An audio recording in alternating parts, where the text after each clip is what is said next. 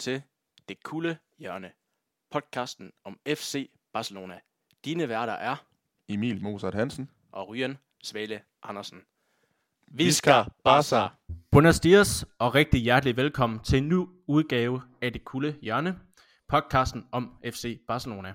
Dagens udgave, det er en speciel en af slagsen, fordi vi tager nemlig de taktiske briller på, og vi skal forsøge at zoome ind på Kiki Setien og den spillestil, han bringer til Barcelona. For hvordan vil han spille, og hvad er den klassiske Barcelona-stil, skråstreg DNA egentlig? Er Setien et godt eller dårligt valg? Og hvorfor lykkes Valverde ikke i FC Barcelona? De spørgsmål og mange andre skal vi forsøge at svare i denne specialudgave af Det Kulde Hjørne. Og til at svare på de spørgsmål, så er jeg som altid flankeret af min medmært Emil Mozart Hansen. Velkommen til dig, Emil. Tusind tak, Ryan. Og Emil, øh, nu har vi jo i de seneste par, par øh, afsnit øh, diskuteret meget om, hvornår, øh, hvornår fodbolden vil vende tilbage. Der er lys for enden af tunnelen. Bundesligaen den går i gang den kommende weekend. Superligaen er så småt på vej i gang. Og øh, La Liga-præsident øh, Javier Tebas, han vil have sæson i gang den 12. juni. Og der skal spilles kampe hver dag, øh, siger han. Hvad, er det ikke bare en øh, glædende nyhed? Det er en øh, fænomenal nyhed. Altså, det, det varmer virkelig mit øh, fodboldhjerte. Nu har vi jo gået rundt i, i flere måneder efterhånden, øh, uden at, at have fodbold øh, i hverdagen. Så det er jo forløsning, at, øh, at vi endelig er kommet ud på den anden side nu, og, og bolden den ruller igen i de forskellige lande. Super, men uh, Emil, denne gang der er du og jeg ikke alene, uh, og selvom det er på den her Sky-forbindelse, vi stadigvæk kører med, så har vi nemlig for første gang i vores uh, podcast historie en gæst med i studiet, og den er den tilfælder dig, Søren Kirkeborg går Åby. Velkommen til. Jo tak, Ryan og Emil. Det er en fornøjelse at være med, og hvilken ære at være debutant, være den første gæst her. Det, det er en stor, stor glæde. Ja, det, det er, en, øh, det er et, øh, et specielt afsnit, vi har planlagt i noget tid, øh, faktisk før det her corona halløje men det kom jo ind, og så har vi lige skulle diskutere, om det var en, en god løsning eller ej, men nu har vi endelig fundet en dato, og, og Søren, jeg kan lige præsentere dig lidt, lidt hvad jeg har, det er, at øh, vi kender dig jo fra, fra journaliststudiet begge to, og mit indtryk af dig, det er, at du er sådan en, en rigtig taktiknøje i fodbold, øh, og virkelig går op i det der de taktiske aspekter i det, og du er en fast del af podcasten PL Taktiko, som du har sammen med en af vores medstuderende, hvor du dykker meget ned i øh, det taktiske aspekt i specielt Premier League. Øhm, og det er jo også interessant, at, det, at når du ikke er Barcelona-fan, at du så også vil være med til at dykke ind i uh, Barcelona. Kan du ikke lige først starte med at præsentere dig selv øh, for os og for lytterne, og så bagefter svare på, hvad det er, der, der er så specielt ved øh, Barcelona og deres spillestil, og måske også Etienne? Øh, jo, selvfølgelig. Øh, jamen, jeg hedder jo som sagt Søren. Øh, jeg er 25 år. Jeg går på journalistikstudie, som du også var inde på. Øhm, så er jeg fodboldtræner ved siden af også. Jeg har lige taget et sabbatår her, øhm, øh, mens jeg skulle starte et nyt studie. Men før der har jeg været blandt andet på øh, OB's, eller OB's amatørafdeling på deres U16 Liga 2 hold, hvor jeg var assistenttræner. Øh, og stod for meget taktiske træning. Både noget videoanalyse og hvordan vi skulle definere vores spillestil, hvordan det skulle komme til udtryk øh, på banen. Øh, og så regner jeg også med til, at jeg, eller jeg har stort set et trænerjob på plads her til næste år også, øh, som jeg også glæder mig meget til.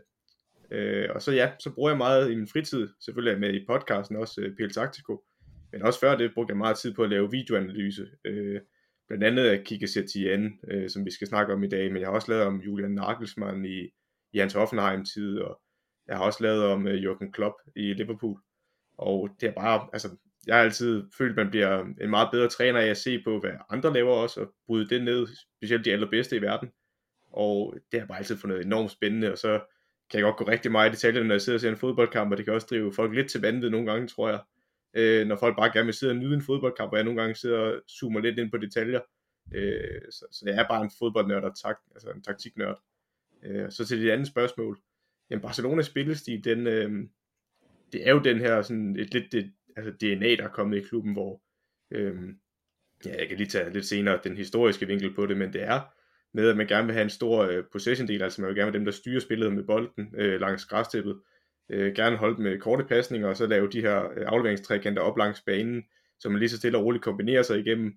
Øh, der er en stor del i det også, at man øh, hviler på bolden, det vil sige, at når man har bolden, så skal man gå ud i jagten fra modstanderen, øh, og hvis man så endelig mister den, så skal man lægge et hårdt genpres med det samme, så man kan, så man kan få bolden igen.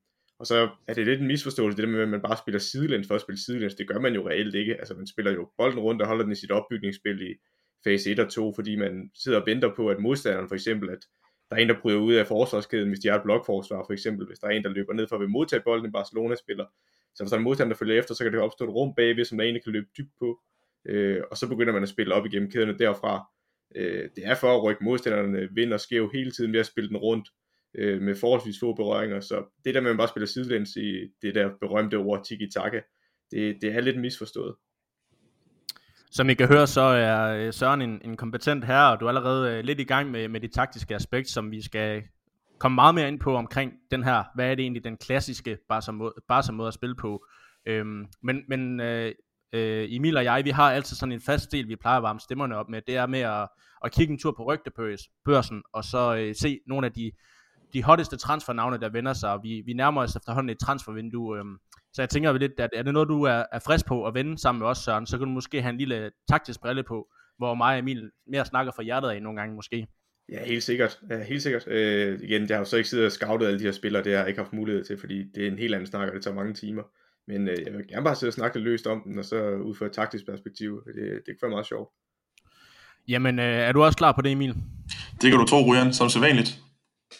Super, jamen så synes jeg bare, at vi skal starte med, med det første rygte. Det er øh, en af de, de mest eftertragtede spillere i øjeblikket, og måske en af de, de, de største talenter inden for fodbolden lige nu. Det er øh, den 20-årige engelske fløjspiller øh, Jadon Sancho, og øh, der har været meget øh, på lyden om, at øh, han skulle, øh, øh, han er jo englænder, han spiller godt nok i Dortmund, men han er jo englænder, og, øh, og der har været rygter om, at han skulle til Premier League, men øh, lige pludselig skrev den her, skriver den store tyske øh, avis Bills, at øh, Barca og Dortmund angiveligt er i dialog om en af Europas største angrebstalenter, nemlig 20-årige Jadon Sancho.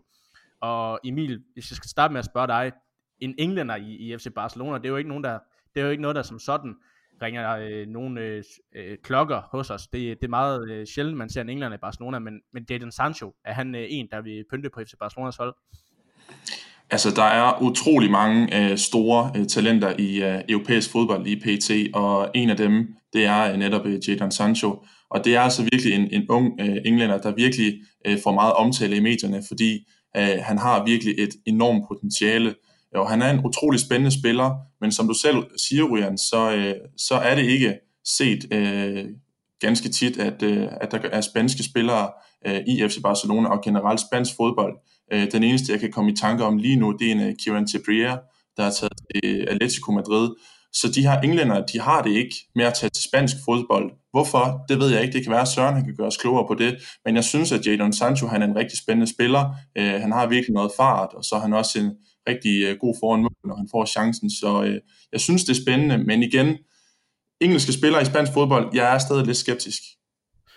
Man kan sige, øh, øh, Jadon Sancho gør sig så lidt bemærkelsesværdigt, det med, at han allerede spiller uden for England. Han spiller i, i Dortmund, og, og Søren, øh, rygtet her, det er opstået, fordi at øh, Barcelona jo igennem sidste transfervindue også, øh, lægger det også op til, at den her sommertransfer gerne vil have en Neymar-retur til øh, FC Barcelona, men den her øh, coronavirus gør, at økonomien omkring Neymar måske kan blive forsværligt, og derfor øh, kigger man nu hen mod Jadon Sancho. Hvis du skal sådan lidt taktisk sætte op omkring Jadon Sancho og Neymar, er det så den samme type? Øh, nej, det mener jeg ikke helt. Altså jeg synes, øh, Sancho er, mm, jeg synes Sancho er mere, han kan spille som en mellemrumspiller også, og på den måde passer han egentlig meget godt ind til noget af det, kan Setien gerne vil med, at øh, han spiller ikke så tit med altså kanter, eller øh, altså deciderede kanter, selv når han spiller i en 4-3-3 i Barcelona, så har det mere været sådan nogle mellemrumspillere, der kommer ned i banen for modtage den, eller også falder nieren ned i banen, og så bliver de faktisk to slags angriber, lidt ligesom man ser i Liverpool, hvor Firmino går ned i banen, og så Salah, og øh, man ikke bliver højt. Øhm, jeg tror umiddelbart ikke, at Jadon Sancho er den rigtige mand for Barcelona. Jeg tror, han bliver enormt dyr. Øhm, det kan godt være, at vi snakker om, at Neymar er dyr, men Jadon Sancho bliver også dyr. For en ting er, at han er englænder jo. Øh, og der er jo de der homegrown regler også i England med, hvor mange man skal have. Jeg mener, det er otte engelske spillere i truppen og fire for egen avl. Så derfor tror jeg, han kan blive enormt dyr, hvis øh, klubber som United, øh, måske City, nok i højere grad Chelsea, øh, melder sig på banen og vil smide store penge efter ham. Øh, jeg tror, at de penge kunne bruges bedre andre steder i Barcelona. Jeg føler, at der er større mangler på holdet lige nu, øh, end en kantspiller, øh, der skal spille som mellemrumspiller. Øh, jeg synes, han er en rigtig dygtig spiller. Det er slet ikke det. Øh, og jeg kan godt se ham også få succes i Barcelona. Jeg tror bare, der er andre prioriteter på listen. Og de, de prioriteter, dem øh, vender vi helt sikkert også senere. Øh, du siger, at han, han, han er dyr. Øh, ifølge Bild, så øh, kræver at Dortmund omkring øh, 130 millioner euro for, for ham, så det er i hvert fald en, en pris, der, der er noget nær det samme som, som Neymar. Øh, Emil, lige kort, hvis du, skulle have, hvis du havde valget mellem øh, Neymar og Jadon Sancho, så er jeg ikke i tvivl om, du vil vælge Jadon Sancho, grundet vores, øh, vores lille had til Neymar. Ja, øh, og dog øh, selvfølgelig øh, Neymar, det er jo en international øh, topspiller, der har præsteret øh, i mange år. Han har selvfølgelig faldet lidt af på den her i løbet af de sidste par sæsoner. Øh, men ja, Jadon Sancho er kun 20 år gammel, og øh, det er endnu et talent, der øh, kan komme ind på Barcelona-mandskabet og så udvikle sig i klubben. Øh, men vi har jo også set, at de unge spillere, de har det også svært i FC Barcelona. Vi så jo en Usman Dembélé, der kom til fra Dortmund også øh, nogle år tilbage, og ja, Dembélé har vi jo vendt mange gange i det kugle hjørne, og det er jo ikke en succeshistorie med ham. Øhm, men ja, Jadon Sancho, han er utrolig spændende, øh, og jeg vil nok også vælge ham øh, frem for Neymar, og det er selvfølgelig også fordi, at vi ikke bryder os så meget om, om Neymar her i podcasten. Og med det, så synes jeg, at vi skal vende os ind til en anden spiller, som vi, vi nævner ham også tit i podcasten, men øh, ny uge, og en næst, nærmest ny dag, og nyt rygte omkring ham, det er jo den her argentinske angriber Lautaro Martinez, som øh, jamen, nærmest siden januar har været, øh, har været Barca's største ønskespiller til, øh, til sommerens transfervindue. Og nu skriver den spanske avis Sport, at øh, Inter og Barcelona de er enige om en pris på 450 millioner kroner plus to øh, Barcelona-spillere, øh, som skal tage den modsatte vej til øh, Milano. Det er, det er fortsat øh, Øh, uklart, hvilke de to spillere er, men øh, avisen peger på øh, Arturo Vidal, Ivan Rakitic, eventuelt en, en Nelson Semedo. Hvad siger vi til, til den her pris, og eventuelt den her lille byttehandel mellem øh, Barcelona og, og Inter, Emil? Ja, altså Lautaro Martinez, øh, det er jo en, en rigtig, rigtig spændende spiller, og ham har vi også øh, vendt flere gange. Øh, og det er jo en mand, vi rigtig gerne vil have til FC Barcelona. Forhåbentlig en ny legekammerat til Lionel Messi. Han kan få sin, sin landsmand Lautaro Martinez til, til FC Barcelona. Det tror jeg, det vil være rigtig, rigtig fint. Også fordi, at, at vi har jo en, en Luis Suarez i, i truppen, der ja, har noget en alder nu, hvor vi ikke ved, hvor mange år han har tilbage, og ja, det altså, er også en Luis Suarez, der, der er på vej til at, at lægge støvlerne på hylden. Øh, så ja, Lautaro Martinez, han skal jo selvfølgelig til, til FC Barcelona. Det, det håber jeg, at, øh, at han kommer. Øh, og så er det selvfølgelig spændende at se, hvem de sender den anden vej. Men jeg synes, at, at det er klogt, at de laver en, en byttehandel, sådan at de ikke skal op og smide øh, det her øh, vanvittigt høje beløb, som Inter gerne vil have for Lautaro Martinez. Så jeg glæder mig til at se, hvem de sender med i den her byttehandel. Og øh, Søren, sådan, sådan rent taktisk, så hvis man skal være lidt efter Lautaro Martinez, så er det måske reelt kun i den her sæson, han egentlig har bevist sig på, på den internationale scene. Han, at, er han i gang med sin anden sæson, tror jeg, i Inter, øh, så han er måske ikke, ikke bevist sig officielt nu i, øh, ude i fodbold Europa kontra mange andre, men er det en spiller, der har øh, niveauet til FC Barcelona ud fra dine, dine analyser? Øh, jeg har ikke øh, set så specifikt meget på Lautaro Martinez. Jeg har faktisk ikke så forfærdeligt mange kampe med ham. Men det jeg umiddelbart kan fornemme på ham, det er, at han er jo en, øh, en angriber af, af høj kaliber, der scorer mange mål, specielt i den her sæson. Øhm, så jeg kan forestille mig ud fra det, jeg har lavet på Barcelona, at han skal jo så op og erstatte øh, en Suarez deroppe, eller noget i den dur. Så det vil sige, hvis Barcelona spiller en 4-3-3, så vil han skulle ligge på enten øh, venstre eller højre side af Messi, fordi Messi fungerer bedst som den spydspidsen i den alder, han er nu, hvor han kan vandre ned i banen. Øh, ellers så skal alternativt, hvis de spiller øh, med to fremme, som de gjorde mod Real Madrid blandt andet tidligere i sæson, øh, hvor det var Griezmann og Messi, så skal han ligge derop iblandt. Men det stiller bare det spørgsmål, at hvis man har Messi, Griezmann øh, og Suarez øh, og nu Martinez, så det er fire mand op på de pladser deroppe, hvor man har smidt enormt mange penge, øh, både i forhold til løn til sådan en som Messi, men også store transfersummer. Øh, det ved jeg ikke om er det rigtige. Øh, jeg synes, man kan se på Barcelona, de har manglet Suarez, øh, mens Titian har været der til at være en opspilstation. Øhm, og så den funktion fungerer han jo fint til at være et offspilspunkt.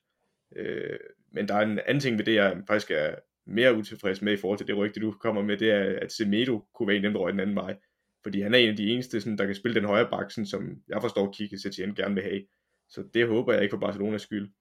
Kan han være en succes i Barcelona, der tog Martinez? Ja, det kan han sikkert godt. Men igen, øh, jeg vil nok lægge pengene andre steder, end øh, lige på de forreste pladser. Det bliver øh, i hvert fald interessant at, at høre dit, øh, dit take på, øh, hvor Barcelona skal forstærke sig til, til sommerens transfervindue, når vi, når vi kommer dertil. Og jeg kan i hvert fald sige personligt, jeg er enig med, med din øh, optik omkring øh, Semedo. Jeg synes, øh, selvom han, han har brugt et par sæsoner til at skulle spille sig til rette i FC Barcelona, så synes jeg, at øh, han er ved at bevise sig, og jeg vil lige slå fast, at hvis man tænker på Semedo som en, en Dani Alves øh, afløser, så bliver han aldrig nogensinde Dani Alves. Det, det tror jeg ikke, der kommer igen, men jeg synes, han har, han har spillet sig op, og det ved jeg også, øh, Emil og jeg har, har snakket om i, i podcasten før i hvert fald, så der er jeg enig med dig, at øh, Semedo er, er en, jeg synes, Barcelona skal, skal holde på, uanset hvad. Det sidste rygte, jeg har med til jer i det her, det er, vi, vi, vi vendte lidt i, uh, i uh, sidste øh, episode, Emil, det var ham her bosniske Miram, Miralem uh, Pjanic, og der var der meget snak om en byttehandel mellem uh, Arthur og uh, Pjanic, så den var vi lidt uh, uforstående overfor, hvorfor man skulle uh, bytte en 23-årig brasilianer for en 30-årig bosner, hvor der var mere fremtid i, øh, i Arthur end Pjanic, men øh, ifølge den her store italienske avis, øh, La, La Gazzetta dello Sport, så øh, snakker de altså om, at øh, Barcelona de egentlig bare køber Pjanic og ikke sender nogen spillere den anden vej. Den eneste, de snakker om, det er måske en øh, Ivan Rakitic, øh, fordi de, de to spillere anses at have den samme øh, værdi øh, lige nu på transfermarkedet. Hvis vi så bare får Pjanic og sender Rakitic den anden vej, så er vi vel mere øh, Øh, lune på halen, Emil, end hvis det var Arthur, der skulle den anden vej. Ja, som det ser ud lige nu, så skal FC Barcelona jo øh, ud og, og hente nogen øh, til midtbanen, fordi, som du siger, Ima Rakitic, han er på vej ud, og vi ved også, at en Arturo Vidal er også på vej ud af klubben, så der skal sikkert nye folk ind, men igen, som jeg også sagde i sidste afsnit, så synes jeg ikke, det skal være Miralem Pjanic. Altså, det er en 30-årig øh, bosnier, øh, der gjorde det rigtig fint i sin tid i Roma, og han har også fået en, en fin start øh, hos øh, konkurrenterne, hos øh, Juventus, men han er faldet lidt af på den øh, i løbet af, af den sidste øh, sæson, eller de sidste to sæsoner. Øhm, så jeg synes ikke, at det, at det er noget, som, som FC Barcelona de skal gå ud og, og bruge penge på. Så synes jeg hellere, at man øh, for eksempel skal få en, en Philippe Coutinho øh, tilbage, og så forsøge at, at spille ham øh, ind på, på midtbanen, hvor han ikke fik lov til at spille øh, førhen, da han var i, i FC Barcelona. Så nej, jeg synes ikke, at man skal hente Miralem Pjanic. Og hvad med, hvad med dig, Søren? Pjanic, er det en spiller, der vil passe ind i den måde, Sitjen vil, vil spille på? Øh, den, den, den spillestil får vi defineret senere, men, men umiddelbart er det en spiller, der har niveauet til Barcelona, er det en spiller, der er god nok og kan gå direkte ind på, på startopstillingen i Barcelona? Øh, igen, jeg har ikke øh, så meget ind på Pjanic specifik, men i forhold til det, man, øh, eller det Setien ønsker fra en 8, øh, en bevægelig 8, der kan øh, specielt lave dybdeløb og være med i de små kombinationsspil, øh, specielt når den bliver lagt. Øh, altså, en 8 skal både være i stand til at kunne lægge den af til 6'eren, for at den kan blive spillet yderligere op igennem kæden, eller skal han øh, modtage den fra en af de to forreste, for eksempel Messi eller Griezmann, der ligger den af til 8'eren, der så driver eller løber dybt. Der mener jeg ikke, Pjanic er bevægelig nok, specielt den 30-årige spiller, som I også er inde på. Øh, jeg, jeg vil ikke sige, det er den rigtige beslutning, og så igen, nu skal man nok huske Juventus, de har, jeg ved ikke, hvor mange midtbanespillere, man kan bare se en spiller som Emre Can, der ikke rigtig bliver brugt så forfærdeligt meget i Juventus. Øh, de har alt for mange 8'ere lige nu, øh, så jeg ved heller ikke, hvad de skulle med Rakitic øh, igen, jeg tror ikke, at, øh, at øh, Pjanic er den rette mand for Barcelona. De skal i gang med en, øh, at gøre truppen yngre, øh, frem for at gøre den ældre. Så øh, nej, øh, spillestilsmæssigt, jo, han er da en dygtig midtbanespiller, er teknisk begavet, har en fremragende sparkteknik. Øh, men jeg tror ikke lige, det er den 8, de har brug for i Barcelona. Super. Jamen, øh, det var de rygter, jeg er med til. Nu synes jeg, at vores øh, stemmer er blevet varmet op, og Søren, du er jo allerede i gang med de taktiske briller, så øh, skal vi ikke bevæge os hen mod øh, det første øh, punkt på dagsordenen, nemlig at få en definition af Barca's øh, grundfilosofi, for, fordi man kan sige, at Barcelona har en, øh, en meget kendetegnende spillestil, som du siger, en tiki-taka, en meget boldbesiddende måde at spille på, og øh, histori- rent historisk mæssigt, så var det nok noget, øh, Johan Cruyff han øh, indførte, da han kom til i 90'erne, og havde et øh, dream team, blandt andet med, øh, med Michael Laudrup på holdet, der jo øh, var øh, i hvert fald Spaniens bedste hold, og måske også Europas bedste hold øh, på det tidspunkt der, op igennem 90'erne, indtil Michael Laudrup skiftede til øh, Real Madrid. Øh, den spillestil har de, kør, har de prøvet at, at køre fast med lige siden nærmest, øh, og man kan sige, epoken og det bedste ved det, det her var jo under Guardiolas tid under Barcelona, hvor han virkelig forsøgte at idealisere øh, Johan Cruyffs spillestil og fik masser af succes med, med klubben, men, men Søren, jeg tænker, kan du ikke... Øh, prøve at gå, gå lidt igennem, hvordan det er, Barcelona egentlig vil spille, ud fra den her opfattelse af? Øh, jo, selvfølgelig. Øh, der er lige nogle historiske ting, for det har jeg selv været inde og undersøge også, øh, og det blev jeg også overrasket over.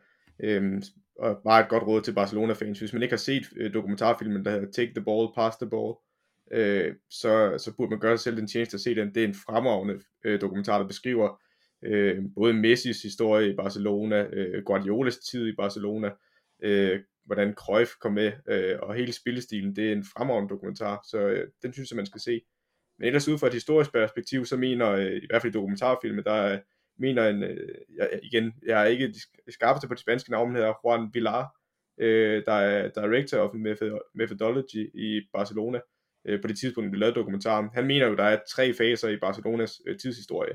Der er Laureano Ruiz i 70'erne, der var med til at på ungdomsholdene at indføre øh, det her, den her form for øh, tiki-taka-spillestil. Øh, og det er blandt andet ham, der har opfundet rondoen, som vi alle sammen kender, når vi varmer op til en fodboldtræning med to mænd i midten og en på hver kant, så det er fire mod to. Øh, og så var der Cruyff, og så efter ham var der Guardiola, der er videreudviklet på Cruyffs. Øh, det synes jeg selv er lidt en forsimplet udgave, fordi der er faktisk en mand, der tit går øh, ret, øh, eller bliver glemt i Barcelona-historie, og generelt også i fodboldhistorien, han hedder i, i sit fulde navn Marinus øh, Jacobus Hendrikus øh, Michels, og jeg bare kalder Rinus Michels.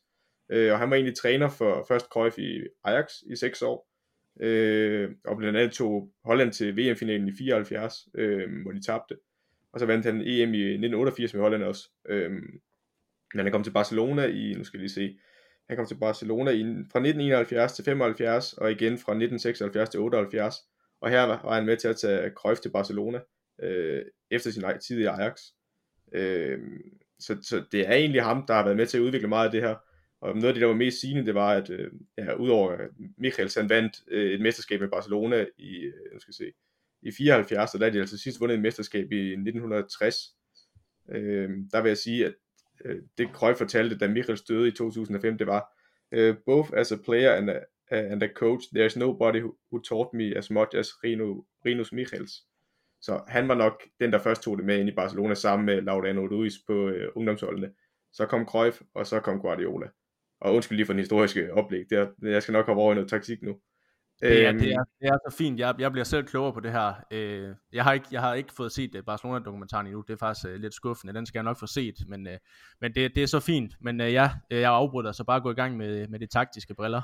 Ja, jamen, øh, som jeg lidt var inde på i det taktiske, så øh, ja, hvis vi skal kigge på det formationsmæssigt, hvilket er, igen, formationer og sådan noget, det er meget tit et defensivt udgangspunkt, når man ser dem på en uh, tavle inden en kamp, øh, fordi spillerne er bevægelige og bevæger sig tit rundt, specielt i det hollandske totalfodbold som noget af den her Barcelona-spilstil udstammer fra. Øhm, men under Cruyff, der var det primært at spille øh, 3-4-3 eller 4-3-3 i form af formation. Specielt blev 3-4-3 brugt, øh, når der var modstanderne spillede 4-4-2, for så var der to centerforsvar, der kunne markere hver angriber, og så havde man den sidste centerforsvar i midten, der gik fri til at tage bagrummet, så man ikke blev spillet i dybden. Øh, men kort fortalt, så, øh, eller så kort fortalt, som jeg kan gøre det, så er det jo netop, at man spiller kort ud for målmanden, øh, hvor målmanden selv er med i opbygningsspillet i fase 1, Øh, så handler det om at spille den rundt øh, langs jorden, øh, venter på, at der opstår et rum, man kan spille den ind i op igennem til den næste kæde, øh, hvor der som regel ligger to otter, øh, spiller man den op på dem. Hvis de kan blive retvendt, så kan de øh, rykke spillet længere frem. Hvis de bliver presset, så spiller man baglæns en gang til. Øh, og det handler egentlig bare om, øh, at man kører en masse korte afleveringer og prøver at køre modstanderen trætte, indtil der opstår rum, man kan spille op i, øh, og så øh, spiller man sig forbi kæder på den måde og skaber chancer. Øh, det er vel egentlig det, det er lidt kort fortalt. Ja, øh, og man kan sige, øh, hvad hedder det, tidligere spillere, Barcelona-spillere, har vi jo set oftest få, få job som træner. En Ernesto Valverde var det tid, tidligere, en Pep Guardiola er jo også tidligere spiller, en, øh, en Luis Enrique i de nyere her i de nyere år, øh, så, så derfor kan det jo lede et spørgsmål om, om det er en svær spillestil at få til at fungere, hvis man, hvis man kommer så ud, som udfrande træner, ligesom en, en Kiki Setien, hvorimod øh, tidligere spillere jo har været vant til at spille på den her måde. Øhm, jeg tror mere, at det er en, altså under alle omstændigheder, så er det en af de sværeste fodboldstil, ifølge mig i hvert fald, at, øh, at få til at fungere overhovedet, fordi der er, der er så mange fejl og ting, der kan gå galt, og det kræver så meget af hver enkelt spiller, øh, også af hver enkelt position. Øh, for eksempel når man har bolden og spiller den så meget rundt, øh, og så mange korte afleveringer, så er der stor risiko for, at der bliver begået fejl, specielt øh, normalt, i hvert fald i tidligere, øh, i forhold til før moderne fodbold. Der var det jo sjældent, at man bad en målmand om at spille den med ud kort. Øh, der var som regel bare et langt udspark. Øh, og specielt ikke, hvis man blev presset, så var det bare sparket ud på tribunen, hvis det endelig var. Øh, her i moderne fodbold, specielt ved Barcelona-stilen, der kræver det meget, at man skal kunne spille den ud langs tæppet fra den allerbæreste kæde. Øh, og når man så har bolden, så tit og ofte, så vil man jo som Barcelona have den meget og være på modstanderens halvdel. Øh, og det efterlader utrolig meget bagrum for modstanderen at angribe ned i. Så det vil sige, at man let kan blive udstillet som centerforsvar, fordi ikke nok med, at man skal være stor og fysisk, som man altid har forlangt af en centerforsvar. Nu skal centerforsvaren være god med bolden teknisk, og kunne spille den rundt og se de rigtige afleveringer. Øhm, og derudover så skal han også være hurtig til at dække bagrum, hvis de mister bolden eller bliver slået en dybdebold et sted. Så bare en position som centerforsvar viser, hvor svært det er. Øh, og, og det kræver rigtig, rigtig meget tid. Øh, og så er det klart, øh, som spiller er det endnu sværere, fordi øh, hvis du ikke er vant til at spille i det fra du er ungdomsspiller, jamen så bliver det sindssygt svært, fordi du bliver bedt om noget, du ikke er vant til. Øh, I forhold til trænervinklen på det, så er det mere om man passer ind i spillestilen, og spiller med, spillermaterialet passer til, og man er enig i det som klub, altså både fra bestyrelsen og ned til træneren og ned til de spillermateriale, man har, øh, om man er klar i visionen, hvad det er, man vil med sin spillestil. Øh, Øh, der mener jeg ikke, der er nogen forskel på nødvendigvis, om man er øh, tidligere Barcelona-spiller eller træner, øh, hvis man selv har altså, godt nok styr på filosofien, og man er enig om, hvor man er på vej hen. Det bliver mere et problem, når man har en træner som Valverde for eksempel, der, igen, vi skal nok komme ind på det senere også, ved jeg, øh, men der ikke er øh, udpræget øh, øh, tiki-taka-træner, der vil spille langs tæppet, øh, så er det jo klart, man ryger lidt på puklen, men Øh, jeg er ikke nødvendigvis fan af, at man skal være tidligere spiller eller noget for at være en Barcelona-træner. Jeg tror mere, det er, hvilken spillestil man har, og, og om alt det line op for en. Så det er sådan lidt en, en kombination af det hele, hvis man kan sige det. Både at, at træneren, spillestilen og spillerne passer ind i, i, i hele grundfilosofien. For, for du, som du siger, det er jo ikke, det er jo ikke nogen let spillestil, og man kan sige, det, det som Guardiola gjorde, da han kom til klubben, det var jo, at han blandt andet tog mange af de her La Masia-spillere op og rykkede dem op, fordi de var vant til spillestilen, og det fik han jo succes med, kan man sige i hvert fald. Ja, lige præcis, og øh, som, altså igen fra den der dokumentar, Take the Ball, Pass the Ball, der er rigtig to gode Xavi-citater, der beskriver det hele. Det første citat er, vores spillestil er det vigtigste, og derefter kommer spillerne. Men det, der gør klubben anderledes, er, at Barcelona har sin helt egen spillestil. Og så citat 2, beskeden er ikke øh, bare vind. Det er et resultat af vores spil. Filosofien er det vigtigste. Altså det er nemlig, at de er så øh, øh, helt opsatte på, det er sådan her, vi spiller fodbold. Og de har netop været vant til det, så det er klart, at de får succes med det. Øhm, og så er der andre spillere, der kommer ind og skal kende det her. Det, det bliver sindssygt svært. Øhm, ja, jeg, igen, det er måske også det, der er gået lidt galt for Barcelona hold de seneste par år. Der er ikke rigtig så mange, man siger, spillere, der er kommet igennem til at kunne vise det her DNA. Øh, og ja, det, det, det kommer bare til udtryk. Det gør det, og det er også, øh, det, det har mig og Emil også snakket om, at jeg tror også, det har noget med en udvikling at gøre i fodbold, om at, øh, at, at man bruger flere og flere penge på, på spillere og så videre, og så har Bartomeu i hvert fald den nuværende præsident i Barcelona, han har prioriteret øh, andre ting højere end, øh, end, end La Masia, men øh, det er i hvert fald en, en ting, jeg håber på vender tilbage. Øhm, har du noget at, at, at spørge om, Emil, i forhold til, til den her klassiske Barcelona-DNA måde at spille på? Ja, det har jeg. Øh, Søren, jeg tænker, at, øh, at FC Barcelonas meget boldbesiddende spillestil, er det ikke også en risikabel spillestil, fordi en fejlaflevering, jamen så er der lige pludselig øh, kontra fra øh, modstanderholdet, og vi har set også i den her sæson flere gange, at når FC Barcelona de har stået højt på banen, og de har kontrolleret spillet med meget boldbesiddelse, jamen så skal der ikke mere end, end bare en fejlaflevering til, så, øh, så kommer kontrakniven øh, mod FC Barcelonas mål, og så går det ofte galt. Så er det ikke lidt en, en risikabel spillestil også? Jo, den er sindssygt risikabel. Det er en rigtig god pointe. Øhm, man spiller med enormt stor risiko. Altså igen, der er flere gange i den her sæson, hvor man ser Ter Stegen øh, på bolden, og han er inden for, altså der er en modstander inden for 1-2 meter af ham i et pres, hvor han ikke bare sparker den ud, hvor han prøver at spille den kort ud. Øh, der er kæmpe risiko, fordi det er jo netop en fejl, som du er inde på, og så er der næsten et mål. Øh, men det er jo det, som hele Kiki Jens og Krøj-filosofien, Guardiola-filosofien, den bygger på, det er, øh, der vil opstå fejl. Øh, man, skal, man skal erkende, der kommer til at opstå fejl, og man skal lære af dem, men man skal også kunne spille videre på dem. Øh, så hvis for eksempel til at Stegen laver en fejl, der koster mål, så er det ikke fordi, man stopper med den proces. Øh, så kan det godt være, når man ser highlights efter en kamp, at man, ej, prøv at se en fejl, han laver, og det koster et mål. Men så ser man måske ikke de, øh, så ser man måske ikke de 10 andre gange, hvor øh, de spiller sig forbi det pres, øh, og så skaber en chance. Øh, så, så jo, det er med kæmpe risiko, men øh, man er indforstået med den risiko, når man spiller på den måde. Det skal alle være, for ellers så opstår der en frustration på holdet.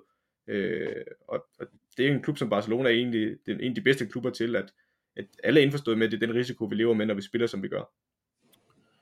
Ja, man kan sige, den, den her, som du også siger, at det er en meget øh, risikofyldt øh, måde at spille på. Altså, det, det, det, det hører også noget sammen med den her øh, filosofi i Spanien om, at det er, når man tager til fodbold, så skal man ikke bare, øh, lidt ligesom den engelske kultur, at der, der, der vil man gerne se nogle taklinger eller et eller andet, og man skal bare vinde, uanset hvad. I Spanien, når man tager på fodboldstadion, så er det ligesom at være i teater. Man vil gerne underholdes, og man vil gerne underholdes af flot spil, og i hvert fald de, de øh, samtaler, jeg har haft med personer i Barcelona, jamen har de spillet godt og taber 1-0, så er de oftest mere tilfreds, end hvis de har spillet, øh, ikke har spillet det her tiki-taka-spil, og så måske har vundet 3-0, fordi netop den her måde at spille på, det er så øh, gennemsyret i, i FC Barcelona, og det er jo virkelig inspirationsværdigt, at at en klub som FC Barcelona kan få det til at fungere. Altså det er jo, det er jo noget, man lærer helt fra barnsben af, når du kom, vokser op i Barcelona og spiller på den her måde.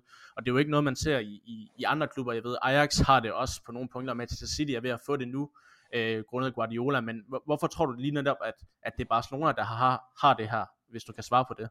Altså øh, kontra andre klubber, øh, måske City har jo fået det rim, rimelig sent ind i deres, øh, at, at det er en, en spillestil, man skal have, og skal forsøge at få ind i klubben, helt fra øh, de små årgange af. Altså jeg tror, det, det stammer vel fra, at man har haft succes med det i sin tid med først uh, Renus Michels i, til en vis grad, men i endnu højere grad med Johan Cruyff, da han kom til. Uh, det er noget, man har haft succes med, og så uh, blev det en, en del af klubbens DNA. Uh, og de klubber, der som regel er succesfulde, det er dem, der holder sig til en spillestil og et DNA, uh, i hvert fald ikke prøver at afvige for meget fra den, og hvis man endelig gør, så giver man en træner tid til at implementere et nyt system. Uh, men det er nok fordi, at uh, tilskuerne har været glade for det i sin tid, det har været flot fodbold, og det samtidig givet resultater, så kan man ikke rigtig forlange så meget med i fodbold, når de to ting øh, smelter sammen. Øh, det, det er nok der, den ligger, og jamen, så er det vel også, altså, det er noget, der har smittet lidt, man kan jo se, både på det spanske landshold, er det også kommet over nu, øh, og altså igen, hvis man har en rød tråd for sit akademi op til førsteholdet, med hvordan man spiller, øh, altså, så plejer det at give succes, man kan endda altså, tage den videre i andre klubber, hvor det ikke er tiki-taka, men Øh, man har haft i Burnley for eksempel her de senere år, hvor de faktisk har, de har jo en klar spillestil, hvor de spiller 4-4-2 meget direkte. Øh, men det er helt ned for ungdomsholdene, de gør det nu også, og der er begyndt at komme ungdomsspillere op øh, og have succes. Øhm, og det er jo ikke, Burnley er ikke den største klub, så det er jo et kæmpe scoop for dem at få en klar spillestil ind også. Så jeg tror det er mere det, er det øh, at man har haft succes med det, og så er det blevet til en spillestil, som man bare går ind for i Barcelona. Og nu, øh, det, Emil og jeg ved jo, at, at du ikke er, er Barcelona-tilhænger, men, men hvad, er det, der, altså, hvad er det, der fascinerer dig ved den her måde at spille på? At, er det også noget, som, som andre klubber kigger hen imod og er misundelige på? Særligt i, med et Premier League-synspunkt måske? Øhm, ja, altså, jeg ved ikke, om man vil kalde det misundeligt, men der er mange, der finder stor inspiration i Barcelona og i Ajax-spillestilen. Øh, man kan jo bare se i de senere år, der har været et Swansea-hold, der rykkede op med Brendan Rodgers, og før havde Roberto Martinez som træner, øh, senere fik Michael Laudrup det er jo netop fordi, de valgte at spille øh, langs tæppet og prøvede at spille det her øh, kombinationsfodbold, øh, tiki-taka-fodbold, om man vil. Øh, man har også set det med øh, i, i den her sæson med Brighton, der prøver med Graham Potter. Øh, men grund til, at jeg finder den så øh, ja, som en fed spillestil, det er, at det, det kræver utrolig meget af alle på holdet. Øh, altså bare sådan en simpel ting, som ligge, det kan lyde som en simpel ting at ligge i genpres, men det er jo en, altså det er en switch, man slår til op i hovedet rent mentalt, fordi man er blevet trænet i det i så mange år, fordi det er ikke en naturlig bevægelse at sige, okay, min medspiller mister den måske øh, et stykke fra mig, men jeg løber over mod ham, der har mist, eller ham, der har erobret den, for at vi alle sammen lægger et pres på ham og ødelægger hans afleveringsmuligheder. Der er det jo mere naturligt for de fleste fodboldspillere at tænke, okay, hvor er min markering hen, eller hvor er det rum, jeg skal dække, øh, og så løbe tilbage og dække det op, i stedet for at bare fare op i hovedet. For det er en kæmpe risiko, for hvis de spiller forbi dig, jamen, så er der netop et stort rum at spille i og angribe i, specielt hvis de har fart. Øh, så jeg kan godt lide den risiko, der er i det, og den form for detaljeorientering og træning, der skal til for, at det lykkes. Og så synes jeg bare, det er en smuk spillestil. Jeg synes, det er underholdende at se et hold, der tør gå ud og tage kampen til modstanderne, og være dem, der dominerer spillet, øh, og ikke bare sætter sig tilbage, fordi i hvert fald i min optik, så er det alt andet lettere at stille sig ned i et blokforsvar med 10 mand bag bolden, øh, med plus keeper, og, og så bare satse på nogle kontra, fordi de fleste kan have hurtige spillere, og hvis man har nok plads, jamen, så kan de fleste hurtige spillere også skabe chancer. Øh, det, er, det er meget svært, det Barcelona-spillestilen er, og det synes jeg bare er fedt. Det er det bestemt. Øh, Emil, har du et øh, andet spørgsmål, du brænder ind med? Ja, øh, Søren, øh, FC Barcelona, de har jo øh, næsten altid øh, kørt øh, det her 4-4-3-system, øh, og det er jo virkelig en formation, der bliver brugt utrolig meget i Spanien kontra øh, i England og i Tyskland og, og andre europæiske ligaer også. Hvorfor er det, at øh, 4-3-3-formationen den passer så godt til spansk fodbold? Øhm, igen, øh, altså jeg vil sige, i de seneste par år, der er vi begyndt at se en 4-3-3 øh, rigtig, rigtig mange steder i Europa. Øh, det, det, det udspringer rigtig meget af spansk fodbold, hvor man også ser det på landsholdet øh, og for Barcelona. Øh, men der er så forskellige varianter af det, øh, men det, det vil tage for lang tid at gå igennem i detaljer, men ja, jeg tror, at det handler meget om, at øh, man frigør for eksempel, øh, du har en klar sekser, der går ned i banen for at modtage bolden, så man kan tage bolden fra opbygningsspil fase 1 til fase 2, øh, som regel for eksempel en Busquets, der er en, en bandespiller, øh, så de hurtigt kan slippe af med bolden, eller få lov til at vinde, øh, og forstår rum og plads rigtig godt. Så har man to otter, der er ret teknisk begavede spillere, og kan have mere præg af at være tiger, øh, lidt, lidt, lidt ligesom en Iniesta, øh, og de her mellemrumspillere, små væverspillere, der ikke er øh, fysisk stærke. Øh, og så har man nogle kantspillere, der går meget ind i banen, og også er en mellemrumspiller op i det næste led, øh, imellem de næste kæder. Og jeg tror bare, at de her mellemrumspillere har vi set rigtig mange af i spansk fodbold igennem årene, øh, der har været enormt dygtige. Man kan se en David Silva, Andreas Iniesta, der har garanteret mange flere, som jeg ikke lige kan komme i tanke om nu, Juan Mata. Øhm, og det passer bare godt til de spilletyper, øh, at ligge i de her rum og kombinere.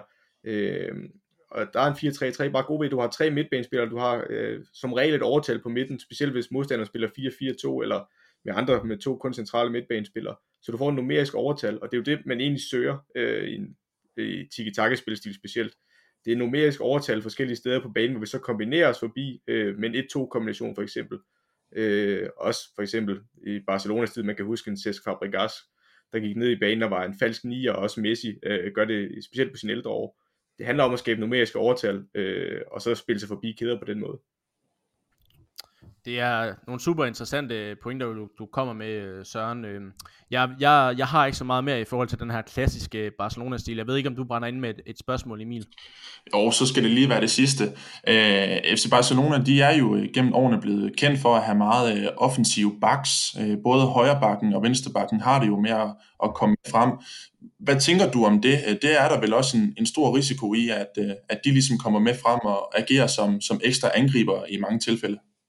Jo, der, der kan være en kæmpe stor risiko i det, men det er også, hvordan man ind, altså, øh, ja, man ser sit retsforsvar op, øh, for man kan sige, øh, Guardiola var jo ham, der eller ikke opfandt det, men var i hvert fald med til, for eksempel, når den ene bakke er sted i den ene side, så tog han, øh, specielt i Bayern-tiden, og nu også i City med Philip Lahm på højre bakke, eller øh, Kyle Walker, der så går ind i banen og lukker det rum foran for, centerforsvaret, øh, så man ligesom stadig har tre mænd, der dækker op, øh, hvis modstanderen får fat i bolden men det er blevet en, bare generelt i moderne fodbold, at backs blevet enormt vigtigt til at være de offensive, øh, til at skabe bredden i spillet, specielt fordi kanterne går meget ind i banen i det her mellemrum, som jeg snakkede om før.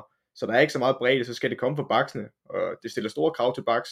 De er ikke bare nogen, der skal kunne dække op mere mand mand og stå over for sine kantspillere. De skal være i stand til at kunne sætte en mand, de skal være i stand til at være i høj fart og slå indlæg. Skulle de også tidligere, men endnu, grad, eller endnu højere grad nu. Og så er det, du har en pointe i, at øh, man efterlader en masse rum på ydersiden af banen.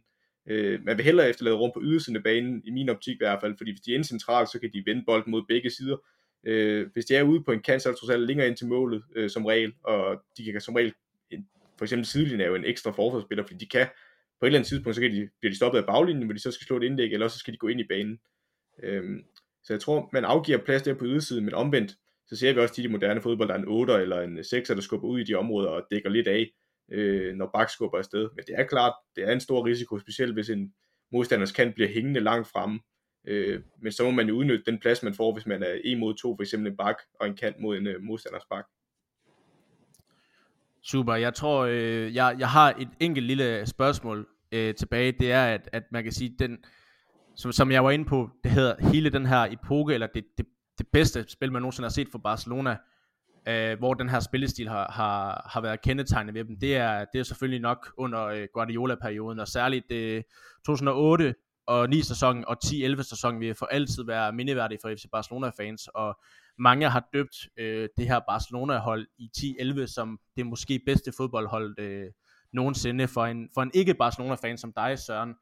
Øh, er, det, det, er det et af de bedste fodboldhold, øh, vi nogensinde har set, og hvorfor var det så godt, det, det Guardiolas hold i 10-11? Øhm, nu kan jeg ikke huske, er det det år, hvor de vinder øh, Champions League-finalen mod Manchester United? Ja, det gør de i begge år, men det er, det er der, hvor de vinder øh, 3-1. 3-1, øh, der ja. Messi scorer, og Pedro tror jeg også scorer i Champions ja. League-finalen. Øh, og, jamen, altså jo, det er et af de bedste hold i verden. Jeg synes, det er meget svært at sige, om det er det allerbedste. Øh, jeg synes også, der er et øh, Bayern München-hold det ene år, øh, under Jupp Heynckes, der er et enormt stærkt hold.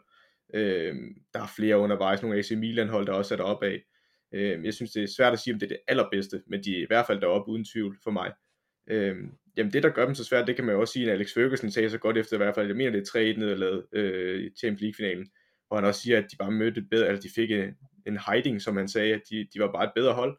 Og det, der gjorde det så svært for øh, United-holdet, er, at de står defensivt, øh, kompakt, men det, der gjorde det svært for dem, det var, at hver gang at Barcelona de havde bolden, og det havde de for det meste, øh, så spiller de sig forbi United, fordi de er tålmodige nok til, at de bare holder boldbesiddelsen. Det er ikke noget med, at de prøver at tvinge noget igennem. Øh, de venter på, at der opstår et rum, så spiller op i den, og hvis det rum bliver lukket, så spiller de baglæns igen. De var så dygtige til at holde fast i bolden, og hvis de så endelig mister den, og United skal afsted i et, an- et kontraangreb, så er der rigtig langt frem til en Wayne Rooney, som jeg mener spillede den kamp. Der er rigtig langt frem, øh, og udover at der er langt frem, så Barcelonas genpres var i den periode så hårdt, at det kvæler modstanderen, fordi hvis de endelig fik bolden, efter de har løbet efter den i måske 5 minutter uden at røre den, øh, så er de sindssygt trætte, når de har den, og når man så mister den med det samme, fordi genpresset er så hårdt, fordi der bare er fire mænd, der overfalder boldholderen, og lukker afleveringsvinkler og erobrer den igen, så får du aldrig rigtig luft, og så kvæler man lige så stille og roligt modstanderen og deres øh, chance for at skabe kontraangreb. Og det var Barcelona bare så gode til i den periode. Det var det er nok øh, noget af det mest imponerende, jeg har set i fodbold, øh, og det var så svært at spille overfor. Øh, og det er nok det, der gav dem så meget succes. Ja, jeg tænker i hvert fald med altid glædeligt tilbage på 10-11 sæsonen. Jeg ved ikke øh, med dig Emil, men det, det står for mig som måske det mest øh, den bedste sæson i Barcelonas historie, udover selvfølgelig triple-sæsonen, triple-sæsonerne i, i øh, 2009 og i, øh, i 2015. Ja, altså det, det var en fantastisk uh, sæson og et fantastisk hold, og det var virkelig en, en fornøjelse at, at følge med. Altså man, man glæder sig jo til at se øh, uh, FC Barcelona spille uh, hver uge. Altså det var jo uh, virkelig ugens uh, højdepunkt. Det er det selvfølgelig stadig, men uh, dengang, altså der var holdet bare noget, noget helt specielt. Uh, så, så jo, det, det husker man virkelig tilbage på som, uh, som et rigtig godt uh, minde. Og hvis der ikke er nogen af de jeg to herrer, der har noget at tilføje i forhold til den klassiske Barcelona spillestil, så synes jeg, vi skal bevæge os videre til at kigge på Kiki Setien og hvad han vil bringe i FC Barcelona. Ja, altså jeg har lige øh, det aller, aller sidste spørgsmål. Jeg har simpelthen lavet sådan en rigtig lang liste til Søren her. Jeg, jeg skyder det lige afsted. Øh, Søren, øh, øh, FC Barcelona, de har jo haft øh, utroligt dygtige målmænd øh, i løbet af, af årene, øh, men nu har de jo en, en Marc Ter Stegen, som øh, ifølge mig i hvert fald er, er verdens bedste målmand lige nu. Og det, der gør ham øh, så unik, det er jo, at han er så god med fødderne. Øh, og han er jo ligesom en ekstra markspiller øh, på banen øh, til tider. Øh, hvor stor fordel er det egentlig, at man har en målmand, der er så dygtig med fødderne?